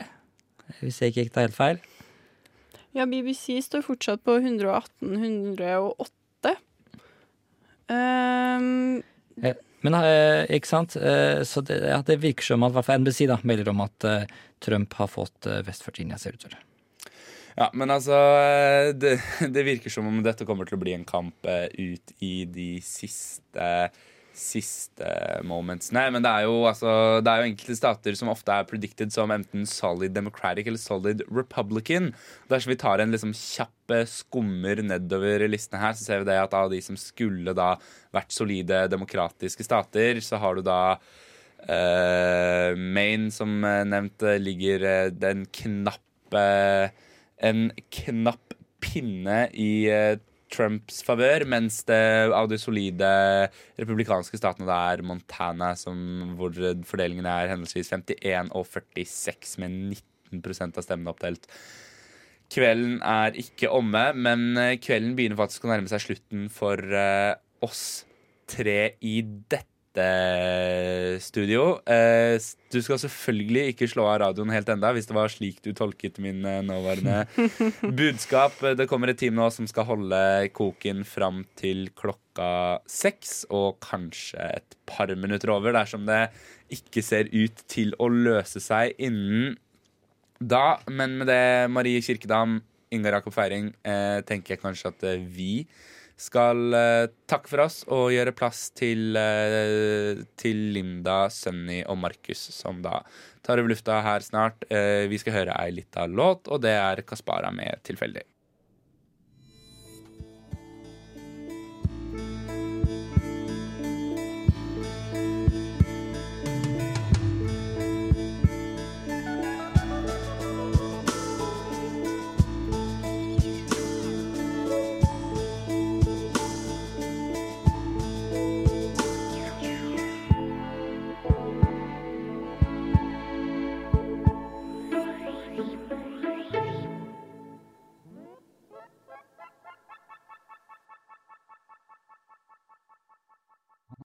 Radio Novas amerikansk valgvake. Du hører altså på Radio Novas eh, valgvake. Det er Linda, Sonny og Markus som er tilbake i studio. Eh, nå begynner de aller, aller fleste valglokalene å stenge ned. Klokka er blitt eh, fem norsk tid, eh, så nå er det bare én delstat igjen. Det er Hawaii, Hanoi. Og vi skal eh, ta litt tempen, se hvordan det står, hvordan det ligger an. Hva sier tallene, hva sier de såkalt smarte? Hva ser det ut til å være ganske, ganske snart. Så følg med oss her på Radio Nova frem til klokken blir eh, seks. Eh, men før vi liksom kaster oss ut i eh, ståa nå Jeg vet dere har veldig mye å si, Markus og Sonny. Altså, jeg vil bare gi en liten sånn oppsummering eller em, tilbakeblikk til 2016-valget. For da var det 41% av alle voksne med stemmerett som ikke stemte. Og det er et ganske høyt tall sånn egentlig. Eh, og dersom alle disse 41% hadde stemt på et tredje parti, så ville det partiet mest sannsynlig liksom bare vunnet de aller fleste statene. Eh, det er såpass mange velgere det er snakk om. Og dette er velgere som eh, ofte var unge, hadde lav inntekt, ikke hadde fullført noen høyere utdanning og gjerne var eh, POC, som vi sier. Um, og den største bevegelsen fra 2016 til nå i 2020, det er jo ikke de som har beveget seg fra demokratisk til republikansk side eller omvendt. Det er jo alle de som ikke stemte for fire år siden, men som nå stemmer. Ja, det er jo forskjellen nå. De har jo spådd eh, høyeste valgoppslutning på over 100 år. Og det er vel hovedsakelig pga. folk som ikke stemte forrige gang, som nå går ut og stemmer. Og det er mye unge velgere. Det er mye eh, tidligere ja, man kan si lavtlønnede velgere. Og ja, arbeiderklassevelgere, da, som forrige gang valgte å bli hjemme. Som nå kanskje tar til hjulene. Og noen av de som man kanskje har i større grad klart å få til å stemme, det er jo uh, hispanics, som man kaller det. Og så har man kanskje sett at i større grad enn før at det er jo ikke en ensartet gruppe. For uh, i Florida så har jo Trump klart å vinne mange av de, mens i Arizona så er det Biden som har klart å kapre latinamerikanerne, eller de med latinamerikansk bakgrunn. Det er jo eh, Vi trodde jo hele tiden at Florida skulle At, at Biden skulle ta for flere velgere enn han, han gjorde. Han, han, har jo gjort det dårligere i stater som i Miami, eller som deltater i Miami eh, enn det Hillary Clinton gjorde. Og det er overraskende. Men som, når vi ser på Arizona, så det, det som er spennende med det, er at det er første gang det ser ut som at eh, Biden kommer til å ta Arizona med god margin. Og da er det første gang Arizona blir blått siden 1996. Eh, og det er takket være, som du sa, eh, de um, latinamerikanske velgerne. Ja, vær så god, ja. Markus. Uh, ja, og det som det kan virke som, da, er at uh, det sier litt om hvor uensartet latinamerikanerne, eller de latinamerikanske velgerne er. Da. For i Florida så har Biden stort sett gjort det litt dårligere enn man kanskje trodde hos latinamerikanske velgere, mens han har gjort det bedre enn det Clinton gjorde i typiske nabolag hvor man kanskje ikke trodde han ville gjøre det bra, mens i Arizona så er det litt omvendt. Der han tatt mange latinamerikanske stemmer, da. Og det handler jo om hvilke land de opprinnelig kommer ifra. Eh, og at i Florida så er det latinamerikanere som lettere eh, lener mot eh, det konservative, mens det er omvendt eh, på andre siden av den linja med sørstater. Ja um, Det skjer veldig mye i Arizona. Vi, hvor overrasket er vi egentlig over uh, det som skjer der? Det som er eh, jeg synes, overraskende, er jo at det man så ikke det komme. Men man trodde jo først og fremst at eh, Biden skulle ta de statene som eh, Nå er det ikke eh, sagt, nå er det kun Vox som har bekrefta at Florida er gått til Trump, Trump og bl.a. TV 2 har gjort det samme. Men men at, eh, at, eh, Trump fortsatt kan ha igjen Texas Texas er også en god del stemmer igjen, men det virker som at eh, Trump tar den staten. Men nå ser man at det begynner å bikke litt over i disse statene som Iowa, f.eks. Der hvor Clinton ikke vant. Ja, de rustbeltstatene er ja. der nå? Ja. ja. ja, fordi der har jo Biden gjort det bedre enn ventet, egentlig. Altså, det har skjedd noe der også. Ja, for, det, for at han skal kunne vinne dette valget, så må han jo flippe noen stater som Trump tidligere hadde. Og, eh, og han har jo ikke klart å flippe den Florida som han skulle ønske. Men da kommer jo steder som Arizona med, og det er jo, det er jo overraskende, tror jeg. Jeg vet ikke om det var plan, det var planlagt, men det er iallfall det overraskende for mange av velgerne. Ja, Trump-administrasjonen har jo lagt inn Det har jo vært en uttalt strategi å vinne en del velgere i dette solbeltet, da, som er type Arizona, New Mexico, Texas. Og det har jo vært diskutert om både Arizona og Texas kunne potensielt overraske, og da ser vi jo at Arizona kanskje gjør det, mens Texas, sånn det ser ut nå, har en liten knapp eh, på Donald Trump. Og så har det andre steder vært mye snakket om eh, Pennsylvania. Det kan være en veldig viktig stat i år. Eh, og foreløpig så ser det ut som at Trump leder i den staten her. Men det her er en av statene med veldig mange forhåndsstemmer. Eh, og man vet jo, eller alle målinger tyder på at flere demokrater forhåndsstemmer enn republikanere. Så når man begynner å telle de forhåndsstemmene, så kan jo det fort endre seg eller bli enda mer eh, closed enn det allerede er. Ja, det, det kan det absolutt.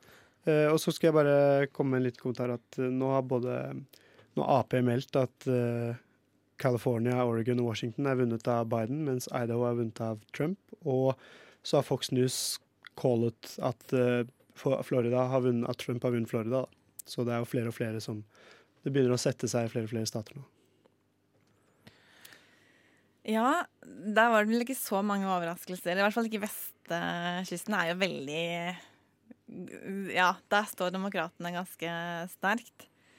Men California er jo en ganske viktig stat likevel. Eller det er mange valgmannsstemmer.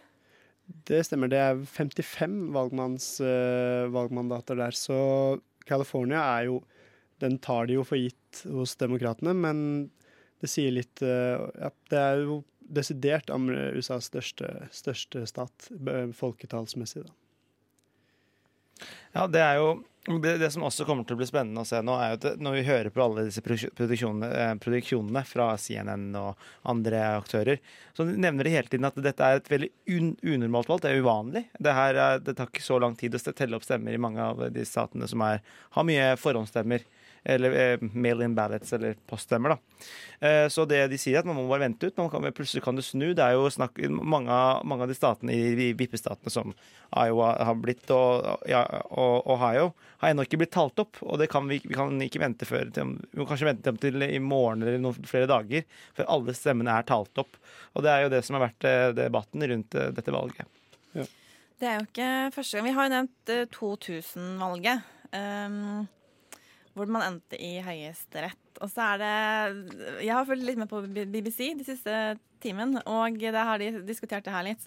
Eh, og da er det to ting de har snakket om. Det ene er at, at man krangler om poststemmer. Det er egentlig ikke noe nytt. Det er litt sånn som man alltid gjør. Forskjellen er at nå er det så mange flere som har forhåndsstemt enn tidligere, og derfor så vil det ha mer å si. Og at i 2000 så var det i hovedsak Florida hvor, eh, hvor kampen sto. Og hvor det var Høyesterett som gikk inn og sa nå, nå slutter vi å, å telle.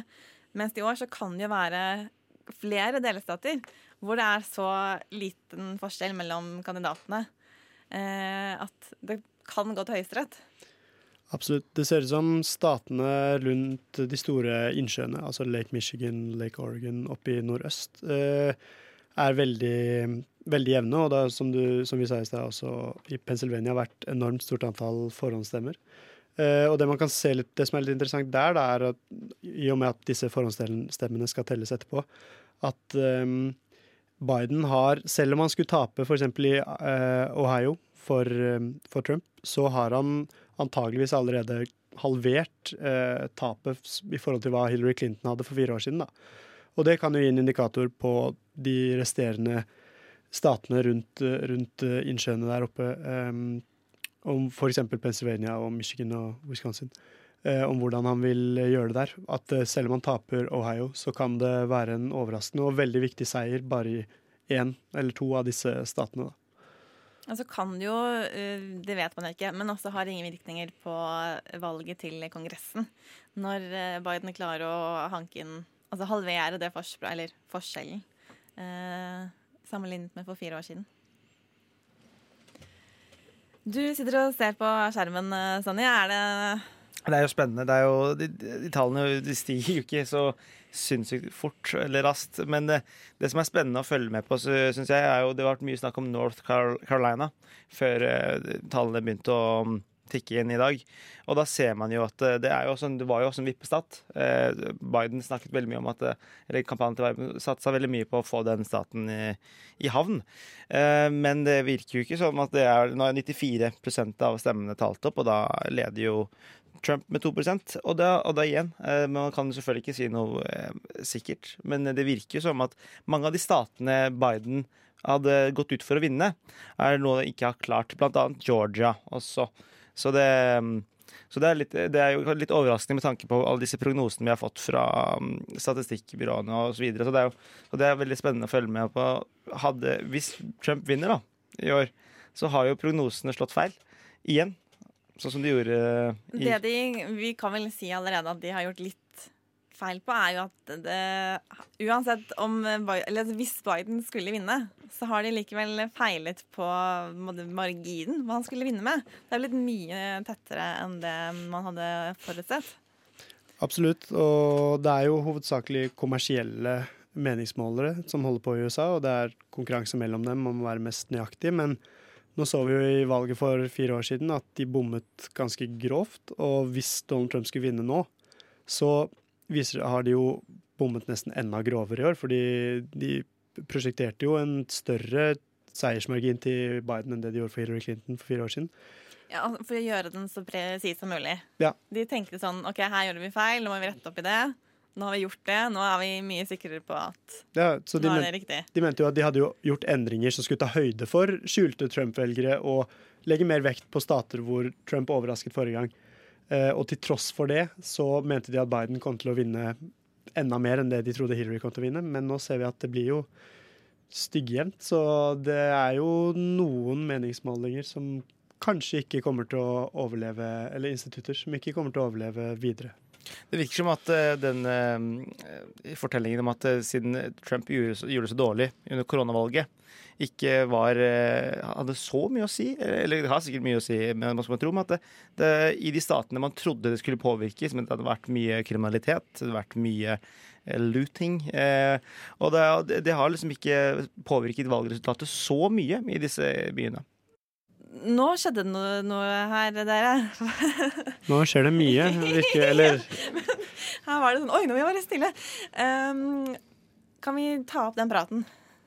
Uh, ja. Um, det var om uh, Idaho har snudd, var det det? Ja, det var det de siste meldingene jeg fikk inn nå uh, herfra. Uh, må bare dobbeltsjekke det. For vi må Ja, jeg kan ta, vi har også fått der en melding Det kommer til å stå og falle på Midtvesten i det valget, det er det ingen tvil om. Og alle skal vi se, Michigan, Wisconsin og Pennsylvania har sagt at de vil ikke annonsere en vinner i løpet av natten. Så den må, vi- de, den må vi vente på i noen dager.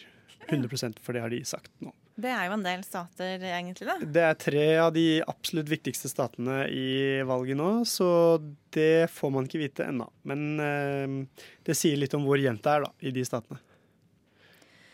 Eh, og så har vi fått eh, eller Nancy Pelosi, som da leder eh, Representantenes hus. Hun er ute på Twitter og mener at eh, det her er kvelden for håp og eh, fellesskap. Eh, og så er vel et spørsmål om Snakker vi nå om presidentvalget eller alle andre valgene også? Men det er lov å håpe. Demokratene er jo, eller ifølge målingene, så skal de jo forsterke eller styrke sitt flertall i Representantenes hus. Og så er spørsmålet hva som, ser, hva som skjer i Senatet. Men eh, de har i hvert fall vunnet ett sete i Senatet fra republikanerne. Og så får vi se om de får nok til å overta makten. Eh, det vi kanskje ikke har nevnt, er at eh, Georgia de har stemt inn en republikaner til Representantenes hus, Marjorie Green, som er uttalt QAnon-supporter, hva jeg skal kalle det. Hun følger dem, så nå har man offisielt en eh, representant i huset som faktisk eh, mener, ja, er enig i disse konspirasjonsteoriene. Og det er jo nytt, egentlig. Ja, ja, det er jo en ganske vanvittig konspirasjonsteori om at ledel, verdensledelsen egentlig består av Jeg har ikke satt meg så godt inn i det, men det er noe kannibal, og de spiser barn, og det er, Ja, det er noe pedof og pedofiliring, og, ja. og det er noe Donald Trump som skal redde verden Ja. fra de onde Donald Trump skal redde alle sammen, ja. Ja. Og det, det er jo en ganske syk konspirasjonsteori. Ja, det, det er eh, jeg, jeg klarer ikke helt se for meg at det er så fryktelig mange som tror på den, men den skal visst ha fått et visst momentum. Og nå er det tydeligvis noen i Var det Senatet eller Representantenes hus? Det er Representantenes Representantenes hus. hus, ja. Så det er jo tydelig at det er noe som går har visst, en viss bredde, da. Men uh... I hvert fall i en uh, viss uh, valgkrets. ja. Og det, hun er en uh, visstnok ganske konservativ republikaner. Ja. Så det kan kanskje forklare, Ja. forklare noe av det. Um, men det hadde jo vært litt sånn stå hei hvis vi satt og det var valg til Stortinget, og så kommer noen og sier at nå har vi valgt inn en skikkelig ihuga konspirasjonsteoretiker til Stortinget. Altså, det hadde jo vært helt hinsides, egentlig. Har, men har det det? Jeg, jeg har jo fått inntrykk av at, at QAnon har jo blitt ganske stort i I Norge også? Nei, nei, nei. nei det, det håper jeg ja, da men ikke. i USA, ja. Ja, det har jo, det har jo fått en god ja. del oppmerksomhet. Og de er jo i huga Trump-supportere, så klart. Han er jo vår frelser i deres øyne. Ekstremsupporter, vil jeg kalle det. Jeg skulle bare likt å se det vi kaller norske konservative politikere tro på QAnon. Det er litt mer, det er kanskje ikke de som ville vært de første til å type Høyrepolitikere kommer inn på Stortinget og melder om eh, pedofiliring og kannibal, kannibalisme. Men jeg tenker, her er vi jo um, også inne, inne på noe av det som kanskje har skjedd litt i, eller til dels mye, innen i det republikanske partiet. At man har liksom gått fra å være et mer sånn klassisk konservativt parti altså Ikke det samme som i Europa eller i Norge, for det ligger jo mye mer til høyre, men likevel at man hadde den der konservative ideologien til bunn. Eh, men når man blant annet får med disse konspirasjonsteoretikerne, så ser man liksom at de bikker stadig mer over til det mer, litt mer populistiske Jo, jeg, jeg, jeg, vil, jeg vil tenke meg det òg, men det, det, det, som er også veldig um, annerledes med nåtidspolitikk, er jo at det, Donald Trump han, er jo, han er jo, kaster jo ut, kaster mye konspirasjonsteorier ut som er, han trenger ikke være sant. Det, han, er jo, han er jo også Blant annet eh, Alex Jones han, har vært, eh, støttet han, har vært snakket med ham på programmet hans. Og, og, det er jo, man ser jo at den, den konspirasjonsteoretiske retorikken til Donald Trump, og det at han nek, ikke fordømmer Proud Boys, som er en ekstrem gruppe, og det, og det at han har eh, Han, kast, han gir jo han er et ganske godt lys på disse folka som mener disse tingene, da. Hilde Restad ved Bjørknes høgskole hun har vel vært ute og sagt at med Trump så har man liksom tatt skrittet det endelige skrittet fra et konservativt til et mer høyre-radikalt Ikke høyre-ekstremt, men høyre-radikalt eh, republikansk eh, parti. Eh, med han som en slags leder. Og så er det jo, det må vi jo kunne påstå, det er moderate republikanere i huset også. Eh, både i Senatet og i Representantenes hus. Ja, man har jo den Det blir jo en ganske stor bevegelse nå som er Republicans against Trump, som er mer moderate republikanere da, som har gått ut offentlig, og som sitter, noen av dem sitter vel i Senatet òg, og gått ut og sagt at man oppfordrer folk til å stemme på Biden istedenfor Donald Trump, fordi de er såpass misfornøyde og mener Donald Trump går såpass mot uh, klassiske konservative verdier at dette er for drøyt, rett og slett. Annet ja. Mitt Romney har jo vært i spissen gjennom hele For det. Og det start, jeg trodde kanskje det var litt sånn nytt, fordi det dukket litt opp med det, det The Lincoln Project som man hørte om for snart et år siden. Men disse gruppene startet faktisk under primærvalgene i 2015, 2016, kanskje sånn i årskiftet der. Eh, når man ikke engang trodde at Trump skulle ende opp som presidentkandidaten, så var det veldig sånn Vi må sørge for at det heller ikke skjer. Um, og så ble han det, og så har det her utviklet seg i løpet av uh, fire år. Og det er, jeg tror det er i hvert fall fem grupper eh, med republikanere som aktivt jobber mot eh, at Trump skal vinne. Ja, det er jo litt gøy det når det var Obama og Mitt Romney som sto til valg, at da var Mitt Romney den liksom Noen kalte ham fæle høyre-kandidaten som var mot abort, og som var så fryktelig radikal og langt til høyre. Om han var radikal, han var i hvert fall veldig veldig konservativ, da, kontra Obama, som var uh, ganske liberal. Og nå er det Mitt Romney som går ut og sier nei, eh, ikke stem på den republikanske kandidaten, stem heller på, på Biden. Men da handler det vel altså mye om Trumps væremåte.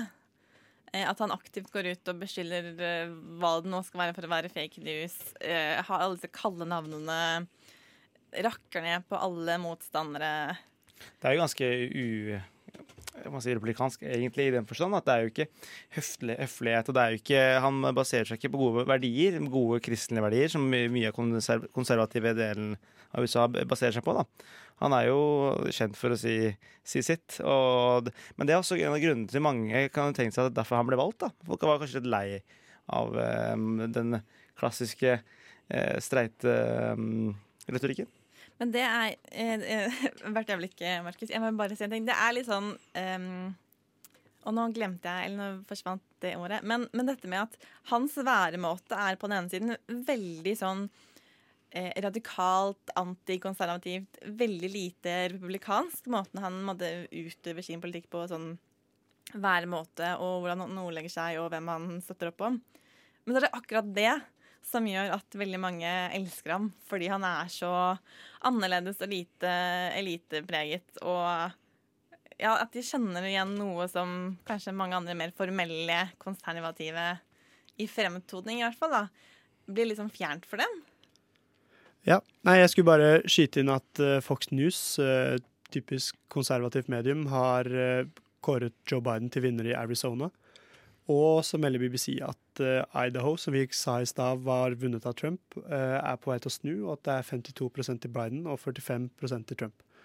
Eh, så det er jo en relativt spennende utvikling. Og ikke minst veldig uventet. Eh, Det var jo bestemt på forhånd at de Mange medier bestemte på forhånd at Trump skulle ta Idaho, men nå virker det som at det snur. Hvor, hvor mange, Har dere tall på det? Hvor mange valgmenn er det i disse to delstatene?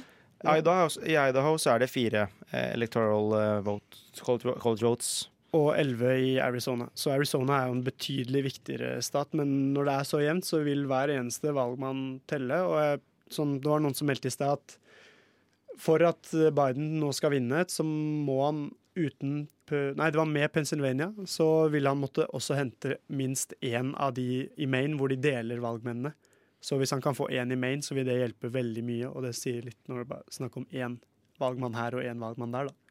Og når, det, og når det er snakk om Pennsylvania, som er jo også en viktig vipp- vipp- vippestat, så er jo kun 50% av stemmene talt opp. Uh, og det er jo det er jo bare halvparten. Eh, så vi snak, du snakket du litt i sted eh, om det at det kommer litt an på hvordan valgene nei, hvordan det blir telt opp.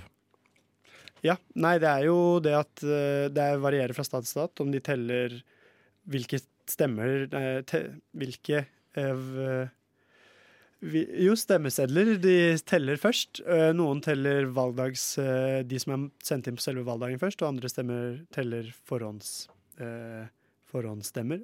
Og nå er jeg ikke helt sikker på Pennsylvania, men det ble, Linda sa i stad at det er stort sett forhåndsstemmene som står igjen. Og det er jo noe man har sett på og vet, at demokrater er mer, stemmer oftere er har mer tiltro til å stemme på forhånd og med mail, da, eller på post, poststemmer. Eh, Så det kan være spennende. Det man også kan legge til der, er jo at uh, forskjellen på poststemmer og altså forhåndsstemmer ved personlig oppmøte, er jo at poststemmer kan ofte ta lengre tid å telle, fordi de må verifiseres, og det i seg selv er en prosess som kan ta kanskje en dag, da, eller mer, uh, som også har bidratt til å liksom, dra det her ut. Og da kommer det an på hvor mange har stemt via post, og hvem har forhåndsstemt ved personlig oppmøte. Altså hvordan er den fordelingen? Absolutt. Med å, ved poststemmer kontra forhåndsstemmer ved personlig oppmøte, så er det vel enda større eh, favør til demokratene som, eh, enn til republikanerne.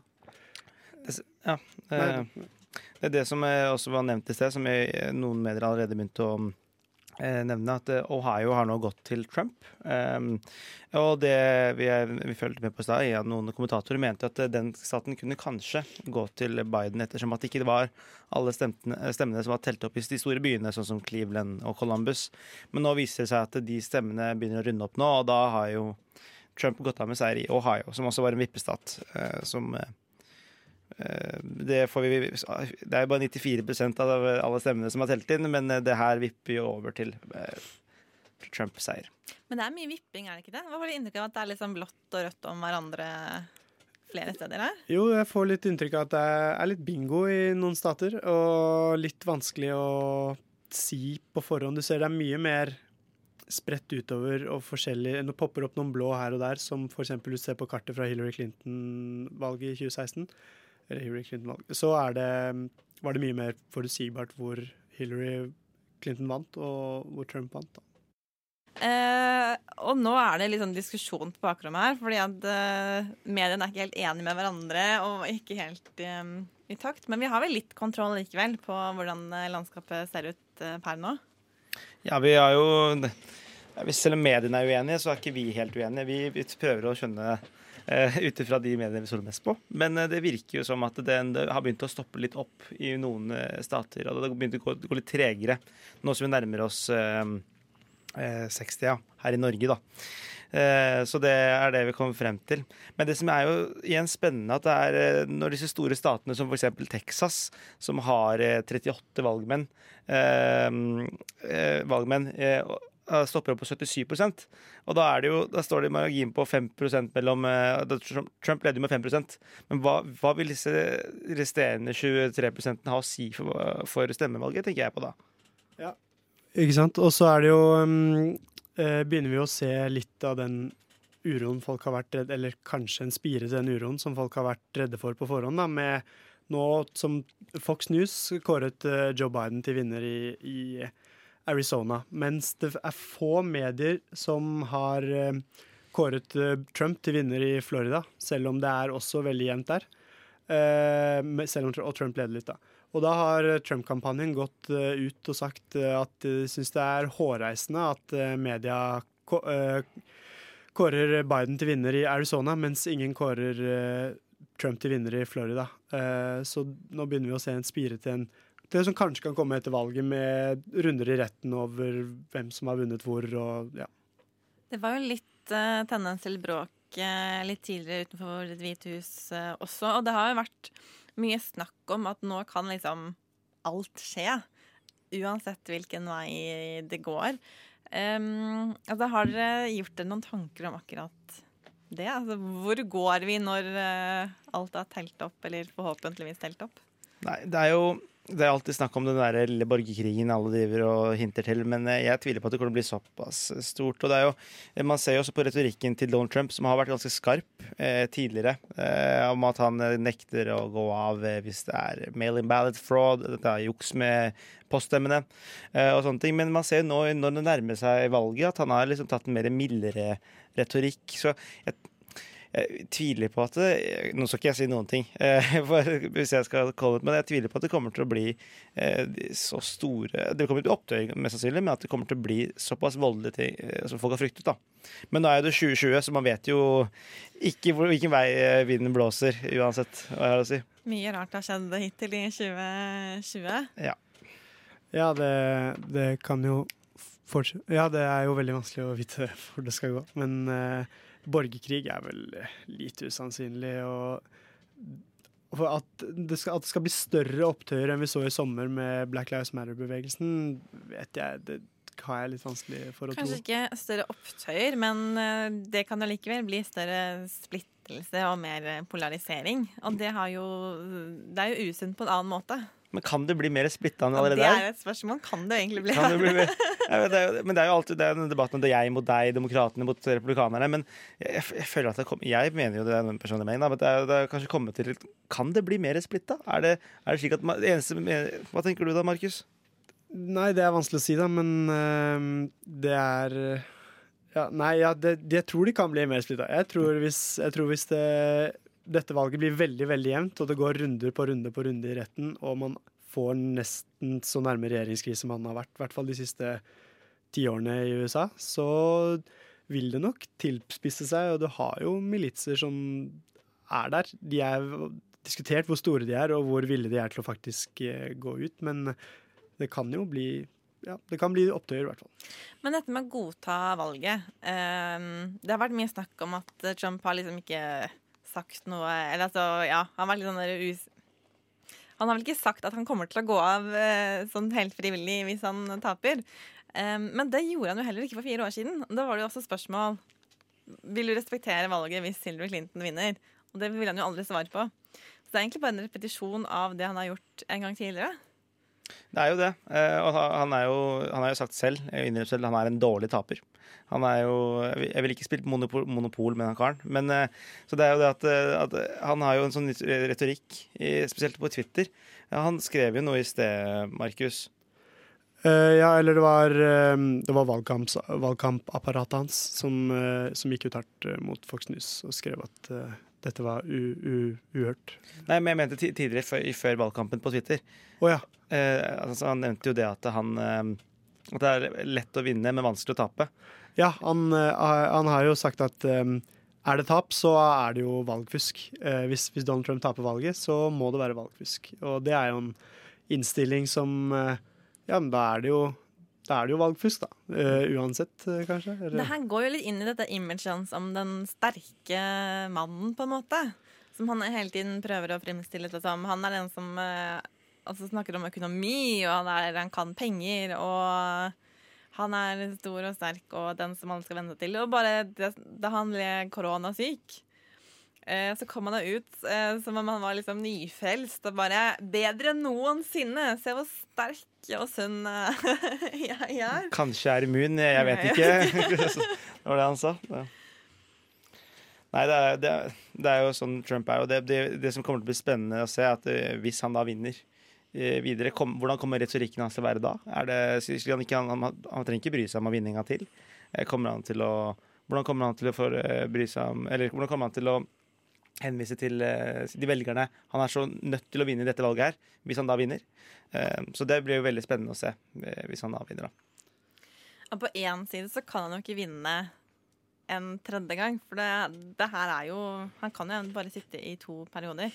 Men jeg tror egentlig ikke han snakker sånn for å, nødvendigvis vinne heller. Altså, det handler mer om å vinne liksom tillit til hans velgere, eller holde på den tilliten.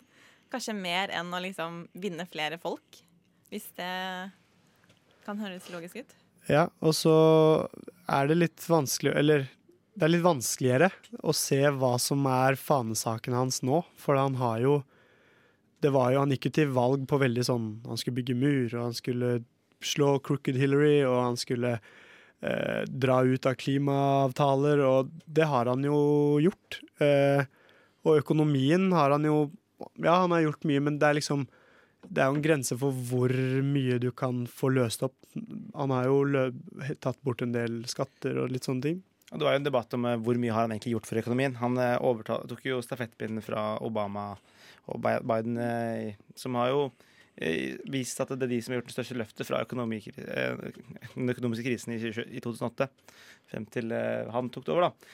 Men så Det, det er mer sånn han har klart å Altså ikke gjøre det dårligere, men Ja. liksom holde det Mm. ved like og kanskje bygge det litt videre oppover. Ja, jeg har kanskje sikta litt mer på de som er i midten av eh, USA. Eh, de som er veldig eh, ja.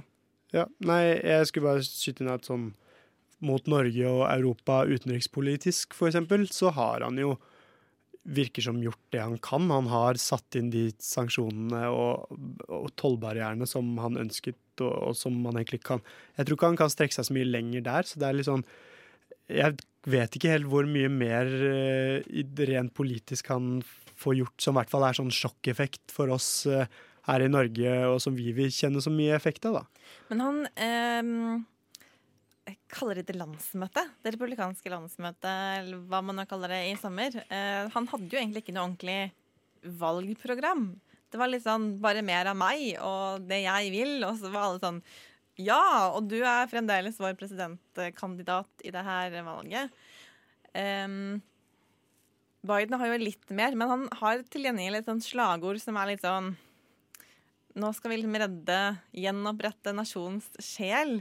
Som er litt sånn Ja, men det jo Det, det betyr bare 'jeg er ikke Trump, så stem på meg'. Det er jo ingenting sånn politikk i seg.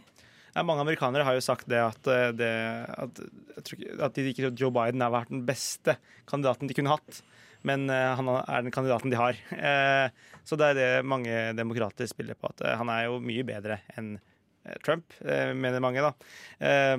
Men nå gjenstår det å se om det holder. Eh, holder det bare ikke være Donald Trump? Ja, nei, eh, er det én ting Donald Trump gjør, så er det jo å lage show.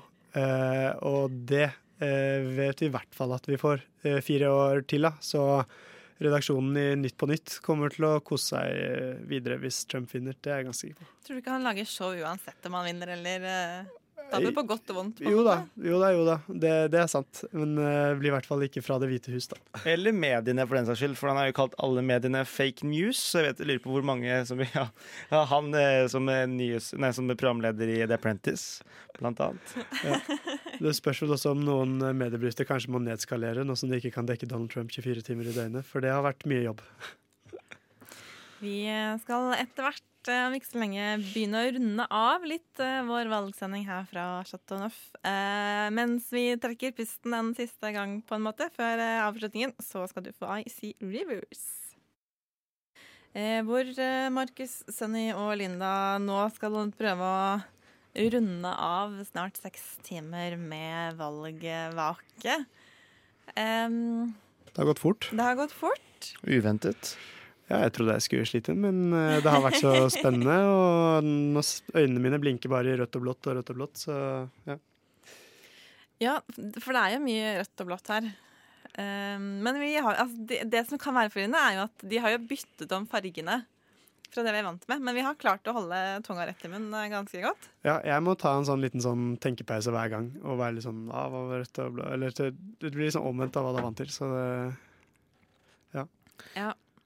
Vær så god, Sanne. Nei, nei, det skulle bare si at jeg fikk Nå tikle inn noen meldinger fra TV 2 som eh, ga um, Trump seier i Texas, som er en veldig stor stat. Eh, og det er jo litt sånn Det, er jo gått Hele natt så har det vært fram og tilbake, rødt, blått og jeg ville sett gult, men det, det, det, Vi gir ikke de libertianerne noen roller her. Men eh, det har jo vært sånn veldig mye fram og tilbake, så, og det kommer det til å være fremover eh, i noen dager, vil jeg påstå. Fordi det er, vi får ikke svaret i natt. Eller i morgen. Er jo I morgen. Eller nå. Eller nå. Det kan ta litt tid. Eh, Det må vi vel bare være forberedt eh, på. ja, det kan vel ta mer enn til sånn Forrige valg fikk man jo vite litt sånn på morgenen, men eh, nå ser det ut som det tar lengre tid. Rett og slett. Ja, er vi klare for å vente? Eller altså, man vil jo aller helst bare bli ferdig med det og vite litt sånn hva det ble. Nei, det er jo ekstremt spennende. Og det, og det å liksom vente på en sånn cliffhanger i eh, flere dager er jo Jeg tror ikke noen folk liker det, men eh, det, folk, er, folk, vil, folk, vil, folk vil vite hva som er, blir resultatet. Men nå som pga. korona så har alt blitt så tregt, da. Og det går jo også utover valget. Ja. Jeg, men jeg føler ofte det blir litt sånn antiklimaks. For du føler liksom det skal komme som en sånn bam, Trump eller Biden vant. Men det kommer jo antageligvis fra nå til å tikke litt sånn Tikke litt i den retningen det går, sakte, men sikkert. Man får jo vite litt og litt etter hvert, og så blir det til slutt at det blir kåret en vinner. Da. Så det er jo litt den kjip, kjipe delen når du ikke får det sånn bam på valgnatten, at du må liksom vente, og så da blir man liksom, liksom vant til det, og så plutselig er det en vinner. Da. Og det blir jo ekstremt spennende, for det var jo mye snakk om før, uh, før valgnatta om, om noen av kandidatene skulle ha en valgstale, nei, seierstale i, på slutten av kvelden. Men det tviler jeg på at det kommer til å bli. Ettersom at uh, Michigan annet har jo kommet ut og sagt at de kommer ikke til å ha noe s- klart valg, svar før onsdag, eh, som er i morgen kveld. Så det det ble, ikke, det ble ikke den store surprisen for alle sammen. Nei, jeg skulle hatt det, du, er, du er cocky hvis du går og holder valgtale nå, for å si det sånn. Det, det tror jeg de færreste ville gjort. Det skjønner vel mest sannsynlig begge parter i den eh, kampen her. ja. Ja. Uh, har vi noe å si helt sånn på tampen av uh, tall eller magefølelser, eller uh, blinker det fremdeles i både blått og rødt foran oss? Det er jo lett når man ser på kartet, da. Så er det jo veldig rødt. Men det er jo også fordi det er mange små stater som blir vunnet av Donald Trump, med få valgmandater. Men akkurat på tallenes stilling nå, så går det vel Er det vel en liten knapp på Donald Trump mange steder, eller hva, Sunny? Hva tenker du? Jo, men så er det disse valg... eh, Disse poststemmene, da. Eh, De, de, de er, det er de som er jo høyst demokratiske. Er- de fleste demokratiske stemmer, eller fleste poststemmer er demokratiske valg. Med mindre vi får en overraskelse. ja, altså, jeg, ja, jeg, jeg tror vi får noen, noen gaver, eller noen overraskelser i posten. Noen gaver, ja. Nei, nei nå, nå, nå er det julaften snart, så det begynner å tenke på gaver i posten. Men man får noen, eh, at man begynner å få noen uh, surprise in the mail. At man får noen overraskelser der. Men eh, det, det som vi nevnte i stad, bare for å si det på slutten, man vil da president Donald Trump erkjenne det som en uh, riktig seier, da? Han har jo tidligere nevnt det, at det, det, det vil han ikke, kanskje? De har jo skaffet seg en sånn eh, hva heter det, ar armé av eh, advokater, eh, begge partier, som er liksom klare til å gå inn der de mener de er urettferdig behandlet, eller at stemmen ikke er behandlet eh, ordentlig.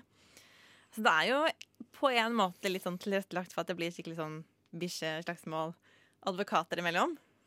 Ja, og kanskje det er det beste for USA å få en liten pause fra en, begge disse presidentkandidatene en stund, og la noen andre ta styringen av, av regjeringen for en liten stund, mens de krangler i retten om hvem som faktisk skal bli president. Kanskje det, kanskje det viser seg at det er noen andre som klarer å styre landet ganske bra uten, uten en sånn eh, gallionspresidentfigur. Kanskje det er Joe Jørgensen som eh, Stepper inn. stepper inn med 1,1% av stemmene. Ja, for det er jo, selv om man eh, skulle tro at det bare var to kandidater, så er det jo flere partier. Ja. Eh, dog er det bare ett annet tredjeparti som eh, har stilt til valg i alle 50 delstatene. Eh, og det er jo ganske liten oppslutning om eh, de resterende presidentkandidatene. Men de finnes, eh, og er jo en grunn til at man ikke nødvendigvis får liksom så veldig mye mer enn 50 noen av eh, Det er jo- Vi har jo Kanye West, da. Ja.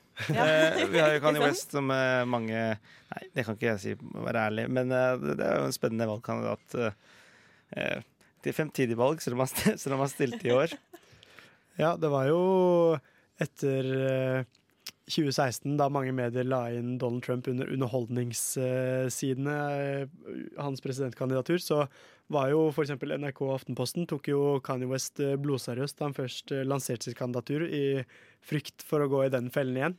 Men eh, det viste seg at de kanskje kunne lagt Kanye West sitt kandidatur under underholdning med god samvittighet da, akkurat denne gangen. Men uansett hvordan jeg skal gå, så er det jo kanskje noen, eh, eller særlig én positiv ting likevel, og det er jo at mange flere har stemt enn vanlig. Eh, og det er jo egentlig en, en sunn ting for dem, demokratiet. Selv om mye annet i USA kanskje ikke er så sunt eh, rent demokratisk, så er det i hvert fall Det har ført til flere stemmer, da. Det er jo det, det, er, det, det sier jo man alle at det er kjempebra at alle så mange som stemmer. da. Det har aldri vært så mange som har stemt. Eh, På 100 år? Er det, nå overdriver jeg, eller? er Jo, nei, det var over 100 år. I hvert fall de trodde i dag tidlig da, at det Ja. ville bli flere stemmer enn på over 100 år. På at det var jo nesten så mange som 100 millioner forhåndsstemmer. Som i seg selv er jo et helt enormt uh, høyt eh, tall. Ja, nei, det er jo veldig Det er bra for demokratiet at det er høyt, høy valgoppslutning. Det er bare litt trist at det må liksom steile fronter og uh, usikkerhet og frykt for at det skal bli sånn, da. Men det viser jo at folk har tiltro til demokratiet selv i vanskelige stunder, da. Tiltro til demokratiet, kanskje ikke tiltro til så mange andre aktører i, i det systemet. Eh, vi bør kanskje runde av nå. Ja, vi tikker inn tiden. Tikk inn tiden. Vi kan jo si at nå, når klokka blir seks, så stenger valglokalene i Hawaii. Da vet vi ingenting om hva som kommer til å skje. Sånn egentlig, teoretisk sett. Og Hawaii har eh, hele fire electoral, eller valgmenn.